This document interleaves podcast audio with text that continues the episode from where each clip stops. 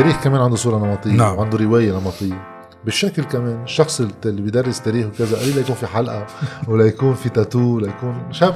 لا، في يوجد تاتو هي من ما لا شك فيه.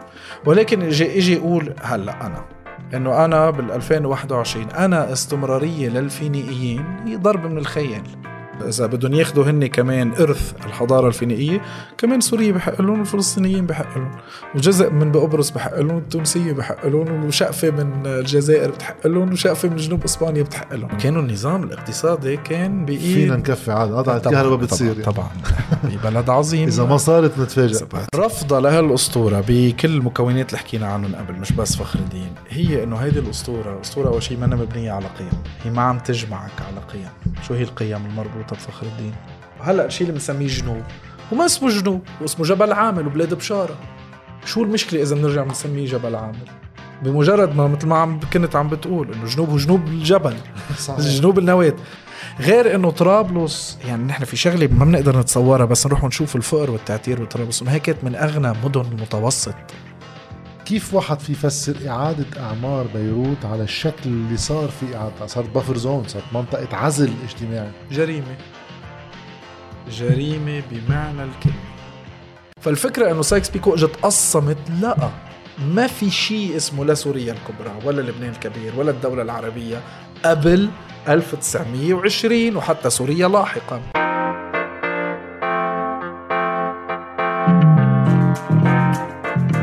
مرحبا. مرحبتين. كيفك؟ أنا لنا ساعة عم منيح نحكي وأنت؟ ونرجع نسألك كيفك؟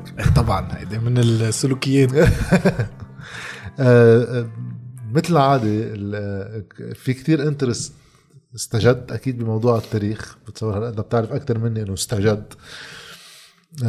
وكتير في اهتمام بشغل شارل حايك تحديدا اللي انتشر على ال social media. وبلش يصير جاذب لكتير الناس ترجع تستحضر تاريخها بمنطق شوي يرجع يحط علامة استفهام. هل خبرياتنا مزبوطة ولا مش مزبوطة أول شيء قبل ما نوصل على هالموضوع اللي بهم كتير الناس نتعرف على شارل حايك كتير فاجأني أنا شغلة إنه قلت لي إلي 18 سنة بعلم. بعلم. أول شيء قد إيه عمرك؟ وليش لك 18 سنة بعمرك هلا؟ أنا عمري 38 رح يصيروا 39 أنا بلشت أتعلم أنا وعم بدرس تاريخ.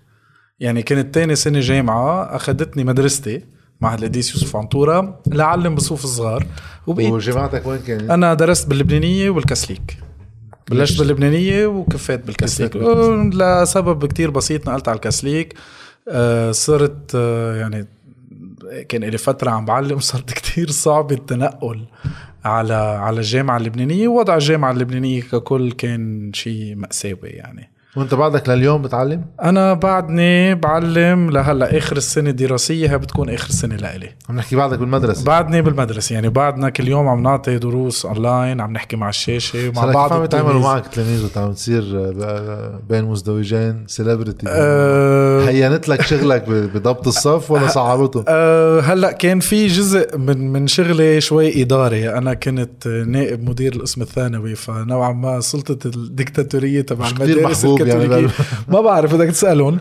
فمدرستنا ما عندنا هالمشاكل ال- العنيفة أي. بضبط الصف. هي البشع إنه ما عاد في التواصل اليومي مع مع الطلاب. صار أنت. اونلاين قد ما فيك ديناميكية التواصل معهم والتلقين والتعليم وكل هيدول كيف برأيك هذه قصة الاونلاين رح تنعكس؟ أنا أنا يعني أنا بتذكر وقت أنا كنت تلميذ يعني كان okay مثل حياة تلميذ بال adolescence يعني. بعدنا بالمراهقة في اهتمامات تانية في طبعاً، بنات، طبعاً، في كذا طبعاً.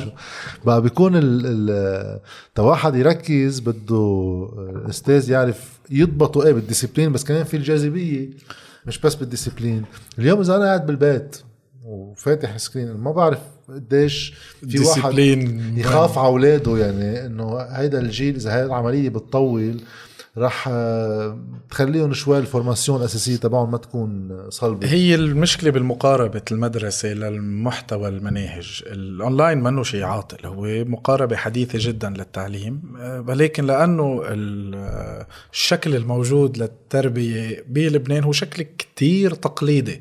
بقعد بالصف آه، الأستاذ هو السلطة المطلقة الشيء اللي بيقول لي إياه هو الحقيقة الدائمة وقليل كتير ليصير في عملية نقاش بالأخص بالمنهج اللبناني. المشكلة إنه الأونلاين هون حط الطلاب اللي عندهم الحرية التامة. أول شيء discipline ما شو عم بحط لك إنه هو اونلاين وبروح ما هو بيتسلى وأنا لو كنت محلهم هيك كنت عملت. لأنه الشيء اللي عم نتعلمه ابتداء من المادة اللي أنا بعلمها تاريخ. شيء بياخذ جائزه الضجر العالمية. شيء كتير مضجر غير ال ال ال القصص الباقية. هي المدارس بدها تغير المقاربة تبعها. يصيروا يمكن selective ينقي شو بده. في مجموعة من قصص آه، كفاءات ومهارات مطلوبة والباقي هو بنقيها ليك أه بتصور رحنا يعني إذا بعد المدارس مثل أيامنا كتير خرج تكون أونلاين لأنه أصلا وجودنا سوا بالصف ما كتير مفيد. يعني كنا بنسمع شخص واحد نسمع شخص واحد عم يحكي. وبنرفع إيدنا نسأل سؤال إيه. فينا نعمل هذا الشغل أونلاين. هلأ كنت عم بحضر شغلة عن المناهج التعليمية بالعالم. آه، بال ranking في هيك مثل محل بحطوا ranking وين طلعنا نحن؟ لا ما عرفت لبنان لأنه أخذوا الأول وراحوا على ايسلند إيه. وشافوا المنهج هونيكي شيء خيال يعني. فنلند وآيسلند كتير متقدمين بهيدي الأمور. ما في ما, ما في شيء اسمه homework ما في شيء على البيت. شو طعمة. على أساس إنه هذا بيجي شو عم بتقيم أنت؟ إذا راح ما راح راح تعبان وزهقان وحيشيله راسه بمجموعة أمور. إيه بس تقريبا منطقة ما في سقوط ما حدا بيسقط. أنت ما هو هيدا السؤال. أنت شو بدك تقيم؟ بدك تقيم شو حفظ ولا ولا بدك تقيم إذا بيقدر يستعملهم بغير نطاق اللي هو تقييم الحس النقدي اللي هو غير غائب عن عمليات التقييم بالمناهج التقليدية. هون indoctrination هون بفوتوا لك شيء على مخك أنا خد خد مادة تاريخ وجغرافيا اللي بده يروح يقدم فيها البكالوريا يعني. بتحشيه معلومات بتروح بتسأله أسئلة كل شيء بده يعمله ويرجع يعطيك مضمون شو درس. حتى ما في عملية آه، آه، تحليل أو نقد ماشي. فشو لها طعمة؟ بيبقوا مبسوطين فيها إيه؟ أخذ 18 20 شو يعني؟ بس هاي شوي بتساهم بتركيبة العقلية مش ضروري الفهم يعني الثقافة شغلة بت... ناجح وفاشل. ناجح وفاشل. والفاشل في حقيقة تكتسبها صحيح. وبتقولها. صحيح. ما في شيء للنقاش ما يعني. في شيء أنت ما في الانبوت تبعك الشخصي. وبعدين إذا فاشل طب هيدا النظام المدرسة. طب شو عمل ليخلي الفاشل يصير ناجح؟ بكتير من الأوقات مشي. خلص إقصاء فاشل روح أو عيدة. يعني شو في غير إنه في واحد كمان يطرح سؤال على من هي المرجعية اللي عم تقيم مين الناجح صحيح. هي مين مقيمها صحيح. اذا ناجحه ام فاشله وعادة الطلاب اللي بيكونوا عم بيسقطوا في مشكل أوقات يا بيبقى ذكائهم فائق. للذكاء ال ال ال ال ال مع إنه هي النظرية مش كده بس إنه بيبقى عندهم قدرات أكثر بكتير وبيبقى في مشاكل إنه شيء اللي عم ينقال منه ما بيهمهم هن بغير محل كليا بيقدروا يطوروا أمور فنية أمور علمية منهج. طب هذا ال documentary بايسلند بيسألوا وحدة من استغرب كتير حدا أمريكاني هو ال documentary لمايكل مور يعني م. يعني commercial منه بقى راح لهونيك وعم بشوف إنه أمريكا وين؟ بالتعليم. بكل القطاعات كانت هي بتقول إنه أمريكا هي الأولى في العالم تطلع هي ولا بشيء بأول ولا بشيء الاولى بالعالم. بالتعليم بيروح بوقتها بيتفاجئ إنه أنتم لا عندكم homework والمنهج تبعكم ما في شيء ماشي مرن. إيه. بيسألها إنه أنت كيف كيف بتعلمي؟ يعني شو على أي أساس بتعلمي؟ قالت له أنت وصغير شو كانت هواياتك بالنهار؟ أنا كنت بسيطة حياتي كتير كنت أطلع على الشجرة عربي عظيم قالت له بدك تيجي تاني نهار تخبرني أنت شو عملت امبارح؟ طلعت على الشجرة إجت نملة مشيت عليك بنبلش نحكي عن النملة بنوسعها بناخذها على الإطار اللي بدنا إياه نحن بس انطلاقا من اهتمامك إلك بقى تخيل كيف مخه لهذا التلميذ بده يربى مع الوقت بطريقة غير. إذا منه ناجح وفاشل وإذا انطلاقا من اهتماماته في حدا بيجي بيفسر في حدا بيجي بيفسر له هلأ في محاولة كان لربط للمنهج بالواقع. إذا بتشوف الأسئلة اللي بتنطرح جد كيف؟ بيحكون مثلا إنه شو تأثير التلفزيون على حياتك اليومية؟ هيدا صار قطعة أثرية. هيدا صار قطعة أثرية. هلأ إنه مقاربة تافهة. إيه، وهيدي المقاربة بطيئه بطيئه وما عم تعطيه ادد فاليو ابدا وأكيد ما عم ناخذ شيء من اهتماماته لعلى اساسه نبني عملية آه، اكتشافه للمعلومات وللقصص. طيب أنت كشارل حايك اللي عندك هيدي النظرة للتعليم كيف عم تتصرف مع قناعاتك اللي خاصة بواقع التعليم وشكله ومضمونه طبعا؟ وانه حاجتك انت بدك تحمل هالكتاب آخر شيء وتعلمه هلأ نحن هلأ في شغلة إيجابية كانت مش انه بعمل دعاية لمدرستي. بس المدارس الخاصة بلبنان عندها استقلالية. تفالل منها فيك إيه إيه إيه عندها استقلالية كتير كبيرة بما يخص المنهج وكيف بعطيه فنحن اعتمدنا من فترة كتير آه، كبيرة. كنحن زملاء كلنا ب آه، على القليلة قسم التاريخ. اعتمدنا مقاربة حديثة. للتعليم. نجي بنكون كتير واضحين مع التلاميذ. في هذا بدكم تحفظه هذا فيه بلايا رح تحفظه ولكن عملية كيف بشرح وكيف بفرجي إنه ممكن يكون في غير خبرية هون بتكون عملية تفاعلية العلاقه يعني بنستعمل معهم مادة تاريخية من صور أرشيفية من فيديوهات. برات الكتاب هون. برات الكتاب. الكتاب هو إذا بدك تخلص المنهج بدك شيء 15 ساعة. يلا سمعهم 2020 برافو بطل. نحن أخذنا هيدا المنهج فك فكناه على سنة بيطلع الطالب حطينا بال بال آه، بالقسم التاريخ آه، آه، أهداف لنا اللي هي بناء الحس النقدي. وكمان يقدر يكتب شوي هيك عربي سليم. فطلابنا عم ينجحوا وبنفس الوقت عم نعطيهم هالشغلة الزيادة شيء أبعد من الفحص. بتنمي الحشرية تبعهم. قدرنا نعملها. بس قديش معقول تخلق كمان هيك ضياع شوي بين شيء المفروض جاي بالكتاب كحقيقة وبين واحد عم يجي يقول لهم هاي رواية. بس هيدي ضرورة بأي عملية تقدم علمي بضرورة يصير في مقارنة بين الرواية اللي جزء منها خيال والواقع. بس يجي فحص الدولي فحص الدولي بده يخبر هذيك الخبرية. يعني إحنا بندربهم على فحص الدولي لأنه فحص الدولي روبوتك لدرجة بالمعنى السيء مش بالمعنى الجيد إنه سؤال جواب وعندك كل الأسئلة ما في أسئلة جداد. هن إعادة تدوير للأسئلة من سنة لسنة. يعني شوف العظمة بالمقاربة التربويه بينبسطوا على جايب 2020 أو سقط شو شو عم تقيم تفاهة أنت؟ قديش آه، بعد هيك بالشخصي شوي قليل واحد آه، آه، بالصورة النمطية مثلا التاريخ كمان عنده صورة نمطية نعم. وعنده رواية نمطية.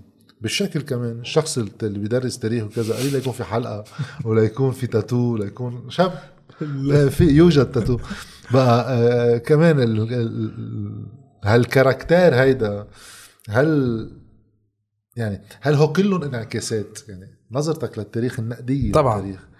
ونظرتك النقدية يمكن للصورة النمطية المفروض تنعطى لك ودورك. بيجوا سوا ولا في شيء سبق الثاني أه مش قصة هيدول إنه أه، هيدول جايين organic من ورا كيف ربوني أهلي. أنا ربيت بعائلة أه، علاقتها مع كتير أمور كتير معقدة هيك من دون عقد.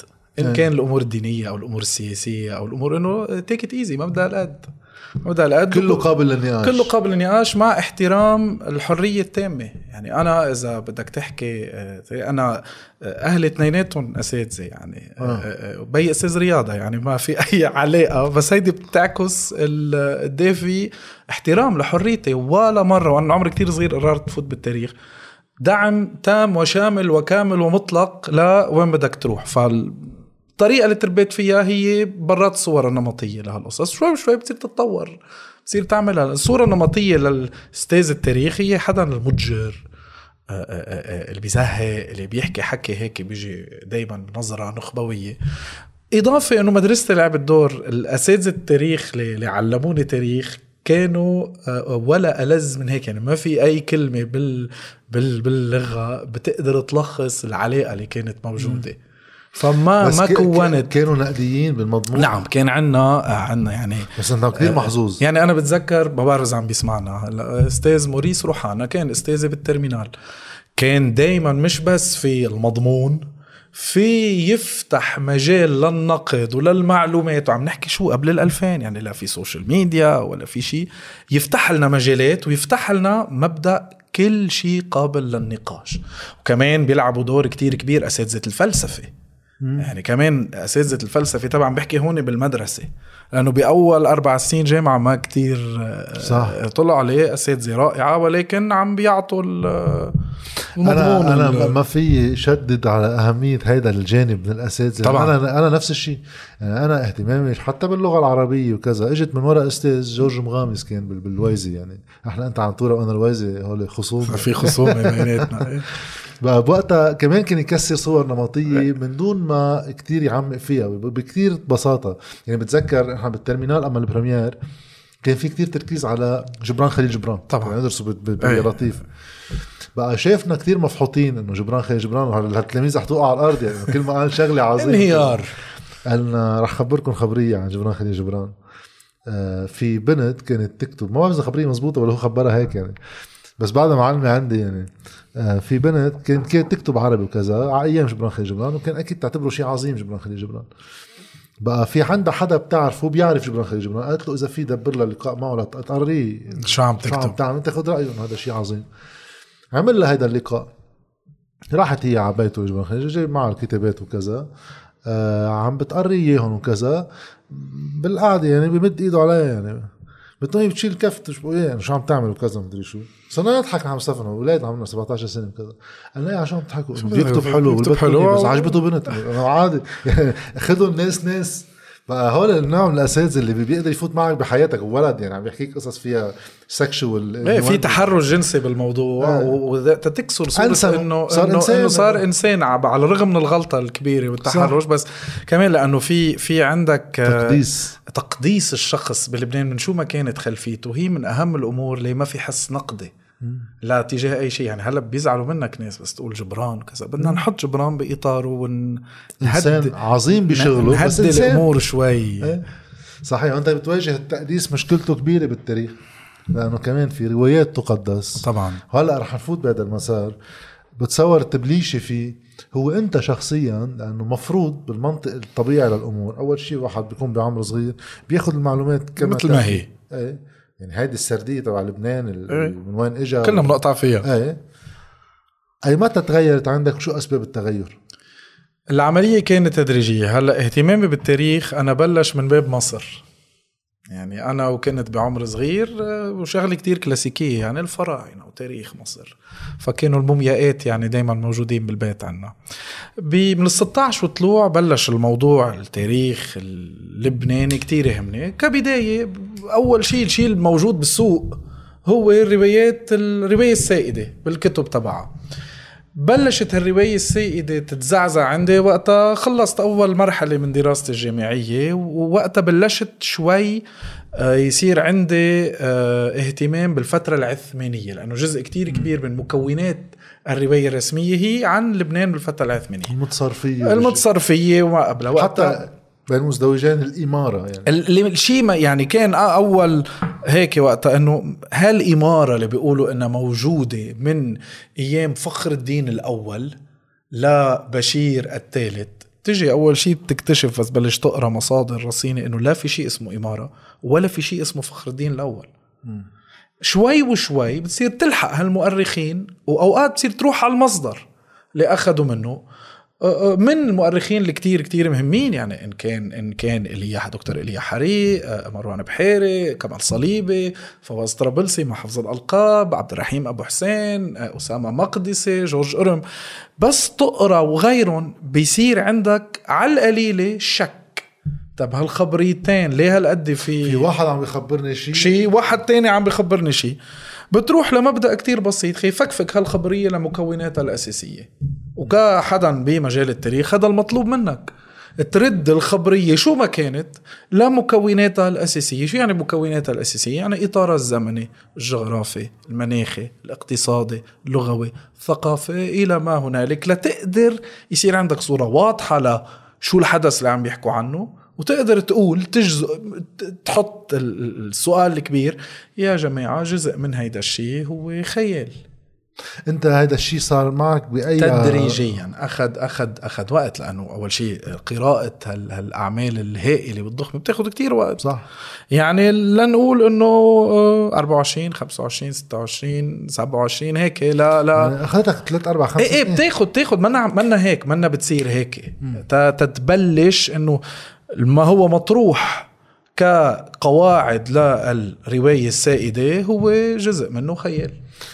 في مقولة بتقول إنه بالتاريخ آه، بس هون إشارة أنا عم دخن أنا موقف دخان بستعمل هولي لجرب في من حلقة دان ازي صار يقول ليش عم ندخن بنجرب نوقف دخان. أنا دايما بيطلع لي انت. أنت معروف أصلا بتدخن في, في حرية بدنا ندخن. أنا إذا ما أنا مصور عند الضيوف مطرح ما في ضيف بدخن باخذ أهلا وسهلا. بقى بيقولوا إنه بموضوع التاريخ تحديدا ما في تاريخ في مؤرخين. صحيح. شو معناتها هالفكرة؟ بوقت التاريخ بالنسبة لنا وقت نقرأ واحد عم يجرب ينبش عن حقيقة شو صار قبل ما وصلنا لهون. يعني لا وصلنا لهون. شو معناتها لواحد يسمع هيك في هي. لنقدر قد ما فينا نوصل للتاريخ. الصار بدك تشيل المؤرخين حتى شوي. يعني التاريخ هو شيء كتير خطير.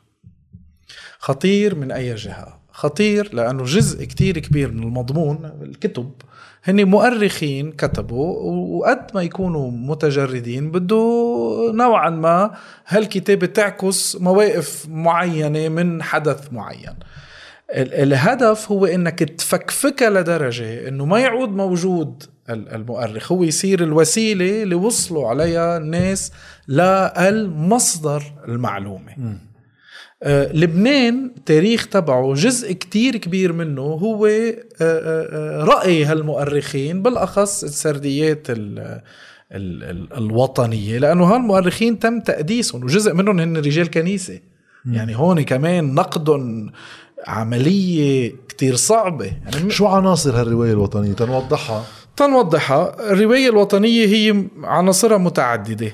يعني ما بتروح للحظة تأسيسية واحدة. في عندك ثلاث عناصر هيك موجودة بأول وحدة إنه لبنان هو استمرارية لدول المدن الفينيقية ما بيقولوا الدول المدن الفينيقية بيقولوا للفينيقيين.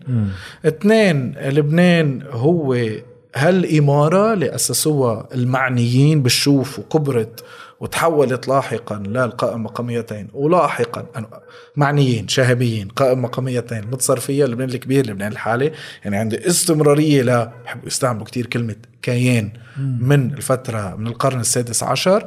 وعندك الثالثة اللي هي بتقول لبنان هو ملجأ للأقليات لأنه طبيعته جبلية فلجأوا عليه من اضطهاد اضطهاد إسلامي وبالتحديد سني. في في وحدة يمكن رابعة هي امتداد لكل اللي قلتهم إنه هاي 1920 بطلب مسيحي. هي آه، مش بس إنه 1920 هي إجت بطلب آه، آه، ارضاء أو طلب البطريركية المارونية هي عودة لحدود طبيعية وتاريخية للبنان. م. عملية عودة. إنه هيدا مش حدود جداد ها استرجاع حدود قديمة من أيام فخر الدين. عظيم. رح نمشي فيهم هلا شوي شوي. أوكي. بس في هيك قبل ما نفوت فيهم بين الفينيقيين والإمارة. في, آلاف السنوات. 500 سنة. هاي وين راحت بالتاريخ بهالسردية هي؟ أه خلينا نوضح شغلة كتير مهمة. الفينيقيين جزء من مجموعة الحضارات اللي كانت هون بالشرق الأوسط. حضارة كتير مهمة وساهمت بما يسمى بالحضارة ساهمت بالحضارة العالمية. هاي من ما لا شك فيه. ولكن أجي أجي أقول هلا أنا إنه أنا بال 2021 أنا استمرارية للفينيقيين هي ضرب من الخيال حتى لو جينيا في ما يسمى الجين الكنعاني أو الفينيقي وإنه موجود إيه وين بده يروحوا؟ بس هو بيتوزعوا على كثير آه، بس بيتوزعوا على كثير على في في منهم تونس في منهم بالاناضول في منهم باليونان علما إنه الفينيقيين أصلا جغرافيا المدن الفينيقية ما كانت سوريا لبنان فلسطين. ليش مش الفلسطينية بيقولوا مثلا يعني كيف اللبنانية بده يكونوا إذا بدهم ياخذوا هن كمان إرث الحضارة الفينيقية كمان سوريا بحق لهم والفلسطينيين بحق لهم وجزء من بقبرص بحق لهم التونسية بحق لهم وشقفة من الجزائر بتحق لهم وشقفة من جنوب إسبانيا بتحق لهم. حتى في في بعض الحركات الفينيقية في مطالبه باستعادة المستعمرات الفينيقية يعني. طيب المشكلة هون إنه المقاربة هي إنه بتقول لك إنه هالفينيقيين آه، بعدين صاروا مسيحية. ومع بداية الحكم العربي الإسلامي الفترة الأموية العباسية صار في جدلية صراع على البقاء بهيدا المسيحيين لهدول المسيحيين بالجبل. وأسسوا هالمسيحيين كيان مقاوم ضل يقاوم هالدول الاسلاميه اللي تعاقبت بعدين اجاهم هيك قرنين تنفسوا فيهم عم بحكي. هي قصة المردة بتفوت إيه، هون؟ إيه، بتفوت قصة إنه الموارنة هن شعب مقاتل وبيجوا المردة ليعطوا هالوظيفة القتالية للموارنه المردة قبائل مسلحة مرتزقة بالفترة البيزنطية لحتى هلا فعليا ما عنا أي رابط بينهم وبين الموارنه مش عم نحكي عن مردة مش عم نحكي عن مردة تبع آه، آه، زغرتا ما ما دخل. ولكن تاريخيا ما فيها الرابط. حتى لو الموارنة هيدي شغلة كتير بالنسبة لهم مهمة بالسردية الوطنية لأن نحن مقاتلين ضد المسلمين ما خليناهم يفوتوا على جبل لبنان. okay. while القصة الثانية بعلاقة الموارنة بمحيطهم. عم بحكي بهالفترة تحديدا يعني ما قبل الإمارة بين ما قبل الفترة العثمانية. يعني تنرجع نحط هلا دور التاريخ الماروني بنشأة لبنان هو دور محوري. هيدا شيء ما حدا في في يجي يقول لك لا. بس كمان ال- الفكرة الموارنة عندهم إياها عن نفسهم هن مين؟ جزء منها آه، من هيدي السرديات اللي مش دايما بتعكس الإطار التاريخي. يعني. يعني مثلا في شغلة ما كتير بحبوا يسمعوها الموارنة. الموارنة السردية الرسمية تبعهم هن كاثوليك من البداية يعني من تأسيس الكنيسة المارونية كبداية كحركة رهبانيه بالقرن الخامس. من بعد وفاة القديس مرمرون وبعدين وقت صارت كنيسة مستقلة مع انتخاب أول بطرك بأواخر القرن السابع بحسب السردية. كاثوليك يعني يتبعون للبابا لا لا روما. لا البابا روما. بدنا نحط آه، إنه في مرحلة كتير مهمة من تاريخ المقارنه كانوا بيسمون كانوا آه، من أتباع عقيدة اسمها المشيئة الواحدة مونوتيليزم. و- و- وأخذت كتير آه، سنين لطلعوا منها. الطبيعه الإلهية الواحدة. بالفترة البيزنطية يعني وقت الرومان اعتمدوا الديانة المسيحية الديانة الرسمية. الفكرة اللي عندهم إياها بالرواية السائدة المسيحيين إنه إيه هيدي دولة مسيحية والكل مسيحية فكرة غلط. في صراع جاد هائل على منو المسيح صراع عقائدي هل صراع هو نوعا ما بين جماعة قالوا هو إله وإنسان؟ نفس الوقت. جماعة قالوا لا آه، يمكن كل طبيعة لحالها أو لا في الطبيعة الإلهية هي الطاغية. فكرة المشيئة الواحدة إجت كتسوية. بالقرن السابع وقت الإمبراطورية البيزنطية عم بتواجه طالعة من حرب هائلة مع الفرس وعم بتواجه التوسع العربي الإسلامي. لأنه هالصراع العقائدي كان عادة ينعكس صراع بين مكونات ال يقتلوا بعض. قتلوا بعض. بالأخص كان المدن المراكز المدن الكبيرة اللي كانوا كتير متأثرين بالثقافة السائدة الإمبراطورية اللي لاحقا رح نسميهم الروم. والأرياف اللي بنقول لهم هلأ الكنايس السريانيه لا لا طايقه البيزنطيه لا عقائديا ولا سياسيا ولا ضرائبيا ولا ثقافيا. فأخذت هالرفض للسلطة البيزنطية أبعاد دينية. وهون بنفهم الكنايس السريانيه واللي منهم الكنيسة المارونية. هلا اعتمد امبراطور اسمه هيراكليوس هرقل هالتسوية اخذوها رهبان مرمرون ومشيوا فيها وبقيوا فيها لفترة الصليبية. سنة الألف يعني للقرن ومية. الثالث عشر.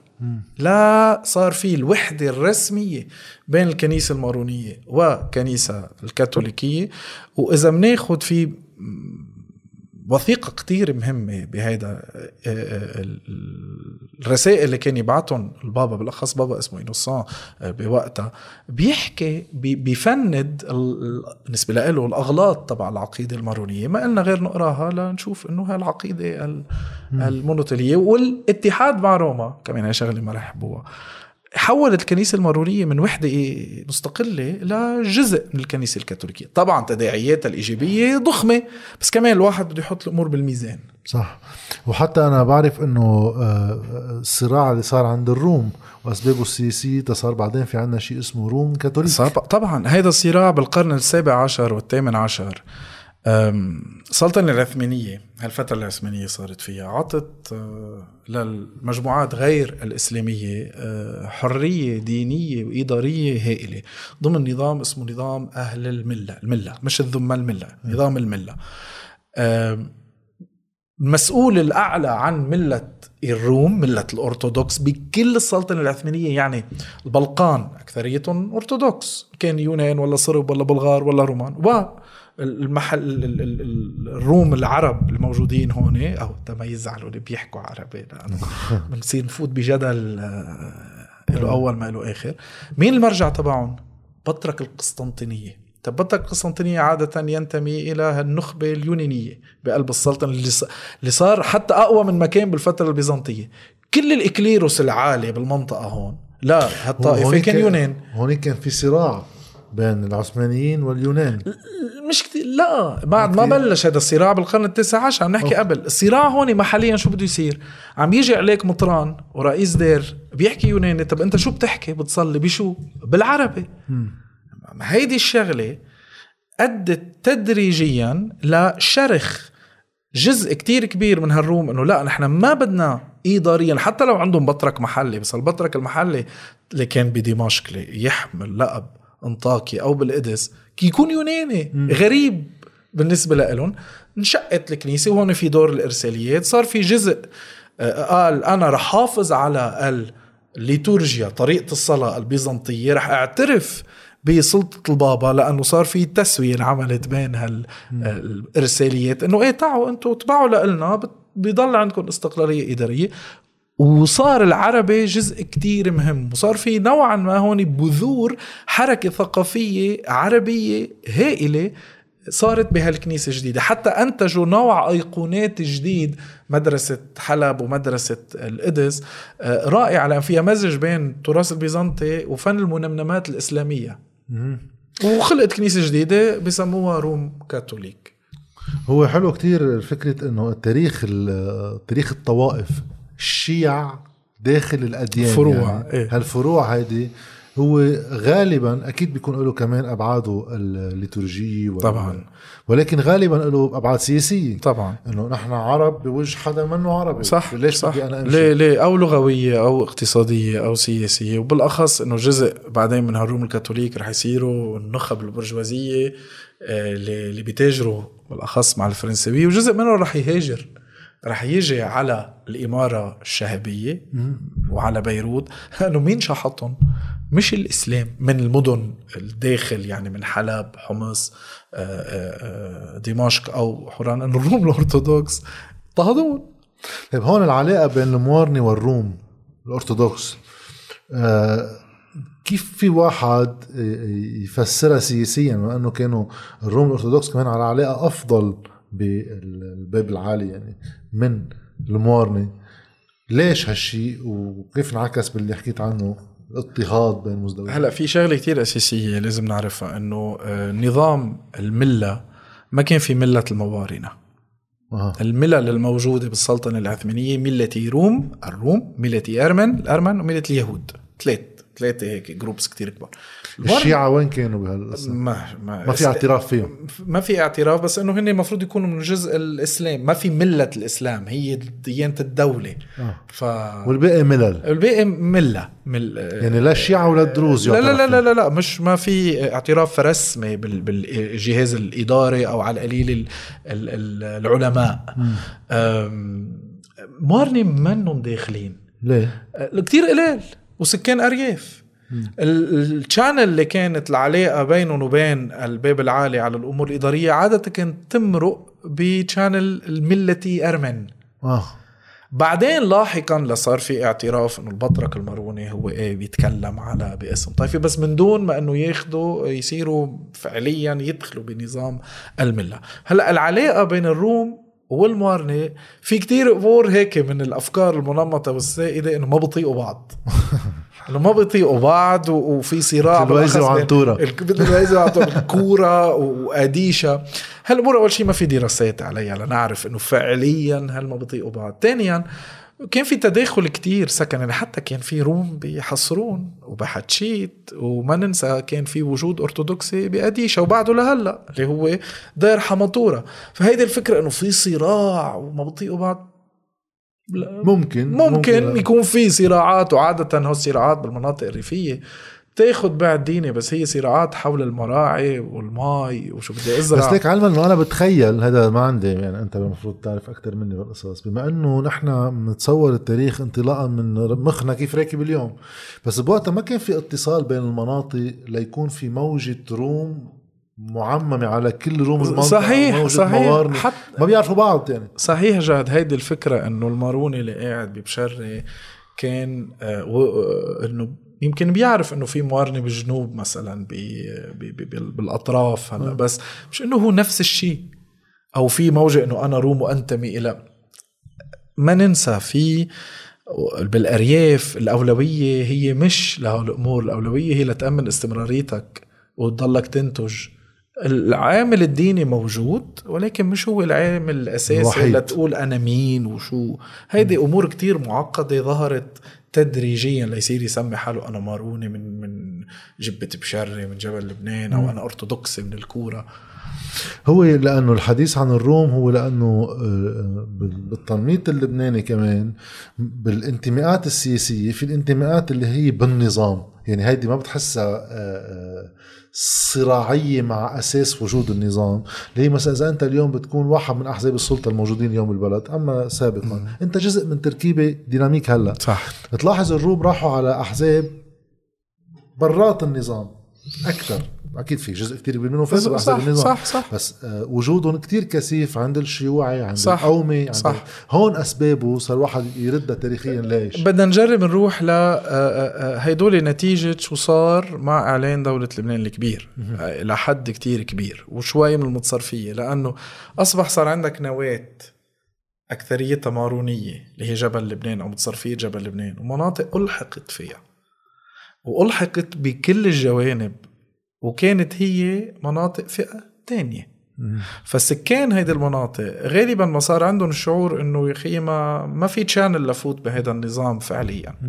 بس بجزء تاني عندك الروم الأرثوذكس تبع بيروت كانوا من قاعدة الاقتصاد تبع وعلاقتهم جيدة جدا مع البرجوازية المارونية ونوعا ما لفترة كثير طويلة إدارة البلد على الصعيد الاقتصادي والسياسي كانت بإيد هالبرجوازيه المارونية والبرجوازيه الأرثوذكسية بالأخص تبع بيروت. ولكن المناطق اللي فيها الأطراف إيه صار في على الأحزاب اللي ما كتير هاي بتأكد فكرة إنه الطوائف ما يعني ما بيختزلوا شيء لأنه أرثوذكس الأطراف غير أرثوذكس بيروت اللي كانوا هن النظام يعني كانوا النظام الاقتصادي كان بايد فينا نكفي عاد. قطعت الكهرباء بتصير طبعا, طبعا ببلد عظيم. إذا ما صارت نتفاجئ.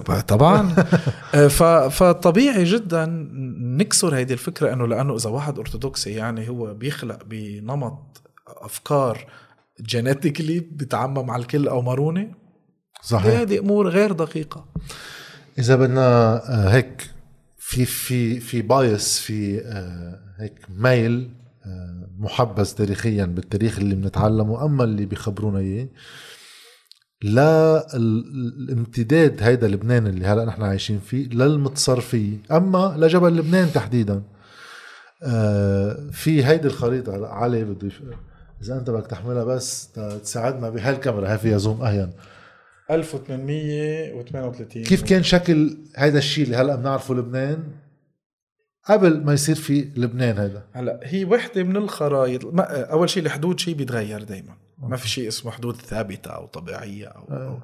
الحدود هي آه، بتتغير وبتعكس حدود سياسية. حدود سياسية بتعكس إرادة آه، أو إدارية. أو آه، سياسية معينة بفترة معينة منا ثابتة أو تاريخية لأن هيدي عناصر كتير موجودة بالسردية اللبنانية. صح. هو بدنا نسأل سؤالين. أه هول الحدود تبع لبنان وين هن امتين ظهروا؟ ولبنان هو كمصطلح أمتين صار عنده بعد سياسي صح. هيدي هيدي الشغلة. هيدي الخريطة شو شو عم بتقول فعليا؟ هون اي أي متى هيدي؟ نحن بالنصف الأول من القرن التاسع عشر 1838 هيدي خريطة بريطانية لولايات السلطنه العثمانية بشرق المتوسط. ولاية حلب ولاية دمشق ولاية طرابلس ولاية عكا اللي سابقا كانت تسمى ولاية صيدا. إذا بدي أخذ خريطة لبنان وحطها فوقهم بيطلع لي إنه أول شيء إذا بنلاحظ يعني هون في ذكر إنه في جبل لبنان كمصطلح جغرافي. إيه أكيد. بس منه مصطلح سياسي. إذا بدي آخذ خريطة لبنان لحالي وحطها فوقها بيطلع مكونات لبنان. هلا مقسومة بين ثلاث ولايات عثمانية. ما في شيء اسمه جبل لبنان ككيان سياسي؟ ابدا عم نحكي 1800 تيسير أول مرة ارتبط هيدي التسمية ببعد اداري هي بال 1841 1845 بإطار قائم مقاميتين. الأحد... قائم مقاميتين بإطار الأحداث الدموية اللي عم تعصف بهالمنطقه الريفية وبإعادة هيك صياغة هوية مشتركة لسكان هالمنطقة. قبل جبل الاسم كتير قديم. وهون بيصير في دائما اللغط إنه إيه ما هو مذكور بال بالإنجيل. إيه مذكور بال عفوا بالعهد القديم. 65 مرة. مش مش الرقم الاقل من الرقم اللي يطرح. مذكور ومذكور بنصوص من الحضارة ال- ال- البابلية الأكدية الأشورية الفرعونية ال- ال- الإغريقية. ولكن كمصطلح جغرافي حدوده مش دايما بنفس المكان. تتغير. صح. بس approximation هو هون. approximation هو السلسلة اللي بنسميها هلا سلسله جبال لبنان الغربية. حتى هيدي بالفترات اللي بنسميهم الإسلامية هم بمعنى تاريخي يعني أموي عباسي ايوبي آه، آه، آه، فاطمي ايوبي مملوكي early عثماني عثماني مبكر هو فقط الجزء الشمالي من جبل لبنان. يعني منطقة هلا ضلنية جبت بشري المنيطرة. آه. يعني هيدا جبل والشق. الثاني شو كان؟ جبال تانية جبل كسروان الأشواف the highlands شوف اللي هي هلا جبل بلاد بشارة جبل عامل. مش يعني كل وحده بلد مستقل فاتح حسابها هو وحدات أوقات يكونوا تسميه جغرافية. مثل جبل لبنان لما كان وحدة إدارية. يعني المنطقة اداريا بالفترة ال- المملوكية هي الجومة أو الجبة. صح. جبة بشراي هيك كان اسمها. وكانت منطقة آه، آه، الحكام ال- تبعها مقدم بشري مسيحي. أوقات يكون ماروني أوقات يكون مش ماروني. عنده دور كتير مهم بالنظام المملوكي. يعني كمان هي سردية إنه في صراع دائم بين المماليك والموارنة. آه، غير دقيق. إيه صار في أحداث بس مش إنه الموارنة قرروا يجوا المماليك قرروا يجوا يقضوا على الموارنة هيك لأنه. في في أمور. فهيدي الشغلة بدها تبلش تدريجيا تتغير و- وتلحق توسع الماروني الديموغرافي بهذه المناطق الريفية لحديت إنه بالقرن نهاية القرن الثامن عشر صار نوعا ما شوي صار في إنه إيه هيدي السلسلة كلها رح نسميها جبل لبنان بس بعدها مصطلح جغرافي آه. أخذت أول مرة بعد إدارة 41 1845 ورسميا مع إعلان إنشاء متصرفية جبل لبنان كتسوية بين العثمانيين والقوى الأوروبية بالأخص فرنسا لانهاء آه، النزاع الطائفي اللي صار مذابح 1860 وخلق وحدة إدارية اسمها متصرفية جبل لبنان. يعني هون اكتسب لأول مرة هالمصطلح بعد إدارة. طيب أنا هون هيدا البايس للتاريخ اللبناني يصير مركزه هو جبل لبنان أساسا واضح بتسمية المحافظات يعني. الشمال الجنوب. الشمال شو؟ شمال جبل شمال جبل لبنان إيه. اذا المركز اللي بمخ المؤسسين يعني لهذه الجمهورية هو جبل لبنان والباقي فعليا اطرافه أطراف. يعني أطراف الجبل أطراف الجبل طيب هون ليش مش مش مهم ليش معروف ليش يمكن لأنه هونيك كان أساس السلطة اللي بعدين أساس إيه. إذا واحد بده يحكي بتاريخ لبنان بهالمناطق اللي طلع منها لبنان. طيب خلينا نبلش أول شيء نحكي شوي عن بيروت. لأنه مش مذكور كتير بيروت. شو هي؟ شو كانت بيروت؟ هي هي بدك تاخذها كمان من مقاربة إنه اعتبرنا مش اعتبرنا هي النواه التاريخية هي هالمتصرفية. اللي بالسردية الوطنية؟ بيقولوا هي آه، تطور للقائمة المقاميه وتطور للإمارة الشهبيه وتطور للإمارة المعنية. يعني دائما تركيز وين؟ على هيدا النواه وال- إيه بس بس كتير في شيء غريب إنه عاص- عاصمتك اليوم هي براته. هي برا هي بمعظم يعني قبل 1920 بيروت مع إنه اللي رح أقوله هلأ هي إنه ما في لبنان لأن بوقتها. هي منا جزء من لبنان. آه. هي مدينة هالمدن قائمة بالنظام الإداري أوقات تكون جزء بيروت لأغلبية الوقت كانت جزء من ولاية صيدا ولاية عكا شوي آه، ولاية دمشق بيرجع ولاية صيدا بيرجع ولاية عكا بيرجع ولاية دمشق بيرجع صارت هي مركز ولاية لحد لا قائمة بحد نفسها. كانت ثلاث مرات أكثر من لبنان. مم. يعني من ال 1888 وطلوع. ولاية بيروت كان شيء ضخم. يعني كل هالمناطق صارت ولاية بيروت. آه. جزء بيفسر لك ليه طرف من البرجوازية البيروتية رفضت إعلان لبنان الكبير. لأن بالنسبة لها هذا شيء كتير صغير. هي كان بدها امتداد كان أكبر. ثلاث مرات أكبر من لبنان وفكرتها يمكن البحر والامتداد خاصة بالتجارة والموانئ يعني له له بعضه الاجتماعي موقعه. هلأ شغله اللي لازم نضوي عليها إنه حتى لو كانت فترة المتصرفيه هالبيروتيه برات المتصرفية؟ بس هي كانت فعليا قلب اقتصاد المتصرفية كان ببيروت. يعني طيب مين كان حاكم هذه المناطق؟ في العلاقة العثمانية. بس ما فيها منطق ال ال الأمير لواء يكلف يجيب ضرائب يجيب عسكر؟ تم اعتماد بالفترة العثمانية عدة أنظمة إدارية. النظام الإداري اللي كان معتمد لأكثر فترة اسمه نظام الالتزام. شو يعني الالتزام؟ أنت أول شيء عم تحكي على إمبراطوريات قبل الثورة الصناعية. يعني بمبدأ التواصل وال efficiency مش إنه في app مين دفع ضرائب مين ما دفع بدك تكلف جبايه الضرائب لناس هن الأعيان بالسلطنه عادة هن يكونوا طبقة غنية عندها نفوذ كانوا يشتروا حق الالتزام بمنطقة معينة. اللي بياخد حق الالتزام بمنطقة معينة عنده ثلاث وظائف أساسية. أول شيء بتلم الضرائب. جزء من هالضرائب هو معاشك. بتحفظ الأمن ونوعا ما عندك سلطة قضائية. ولكن مش بتملك الأرض لك حق التصرف بالأرض لأن ما في ملكية فردية بعد بالسلطنة العثمانيه إلا النصف الثاني من القرن التاسع عشر. هاي شغلة كتير مهمة. إذا بدنا نصور الهيكلية الإدارية هي سلطنة العثمانيه إمبراطورية ضخمة. أوروبا الشرقية الشرق الأوسط الجزيرة العربية شمال أفريقيا إلا المغرب. شو شو؟ شيء هائل. شيء هائل. ودولة قوية جدا. جدا جدا قد ما بحبوا بلبنان هيك يعني. بس كانت لا مركزية بآلية حكمها. ضروري تكون لا مركزية. كيف بدك تكون مركزي إذا ما فيك تتواصل على صعيد يومي مع الأطراف؟ طب كيف بتدير الأطراف تبع السلطنة؟ بتقسمها لوحدات إدارية كتير كبيرة. اسمها أول شيء كانوا يسموها إيالة بعدين صاروا يسموها ولاية. هالإيالة يعني محافظة ضخمة. بيحكمها بيلر باي بيك البكوات بس بيك هون أو باي مش لقب أرستقراطي هو وظيفة عسكرية إدارية. هالشغلة ليه, ليه؟ يعني آه، لأنه أنا هذا شغله في شيخ عنا بعد واصلين لهم هلا آه. واصلين في شيخ وفي باي واصلين وفي المير. هذا البيلر باي كل إيالة ولايه مقسمة لسانجاك sub-province أو بنسمي لها تسميتين أو سنجك أو لواء. لواء الاسكندرون سنجك الإسكندرون. كل لواء مقسم لنواحي. كل ناحية مقسمه لبلدات هلأ أنا عينت بيلر باي هيدا البيلر باي طيب كيف بده يدير هيدي المناطق؟ كل ناحية كل صنجك بعين عليه ملتزم. أو مين بيجي بيدفع أكثر يعني مثلا الأمير فخر الدين اللي بنسميه نحن الثاني هو كان ملتزم صنجق صفد صيدا. أو بيروت صيدا لفترة. اللي هي المناطق اللي فيها الشوف وهيدي النواه التاريخية. تابع لأي بي؟ تابع لأول شيء بيكون تابع للوالي البيلر باي تبع دمشق.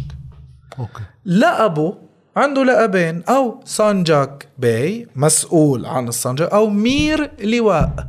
إيه في لقب أمير. ولكن مش بمعنى prince. بمعنى موظف إداري عسكري عثماني.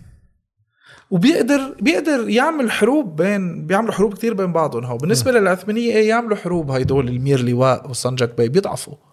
بصير أنا يفكروا يعملوا انشقاق ويصير عندهم دولة. الجدليه هي إنه آه، آه، فخر الدين دعموه العثمانية أول شيء ليقضي على زعامات محلية ما كتير كانوا عم بيقدروا يستوعبوها العثمانية. وقتها تخطى كتير حدوده تم القضاء عليه.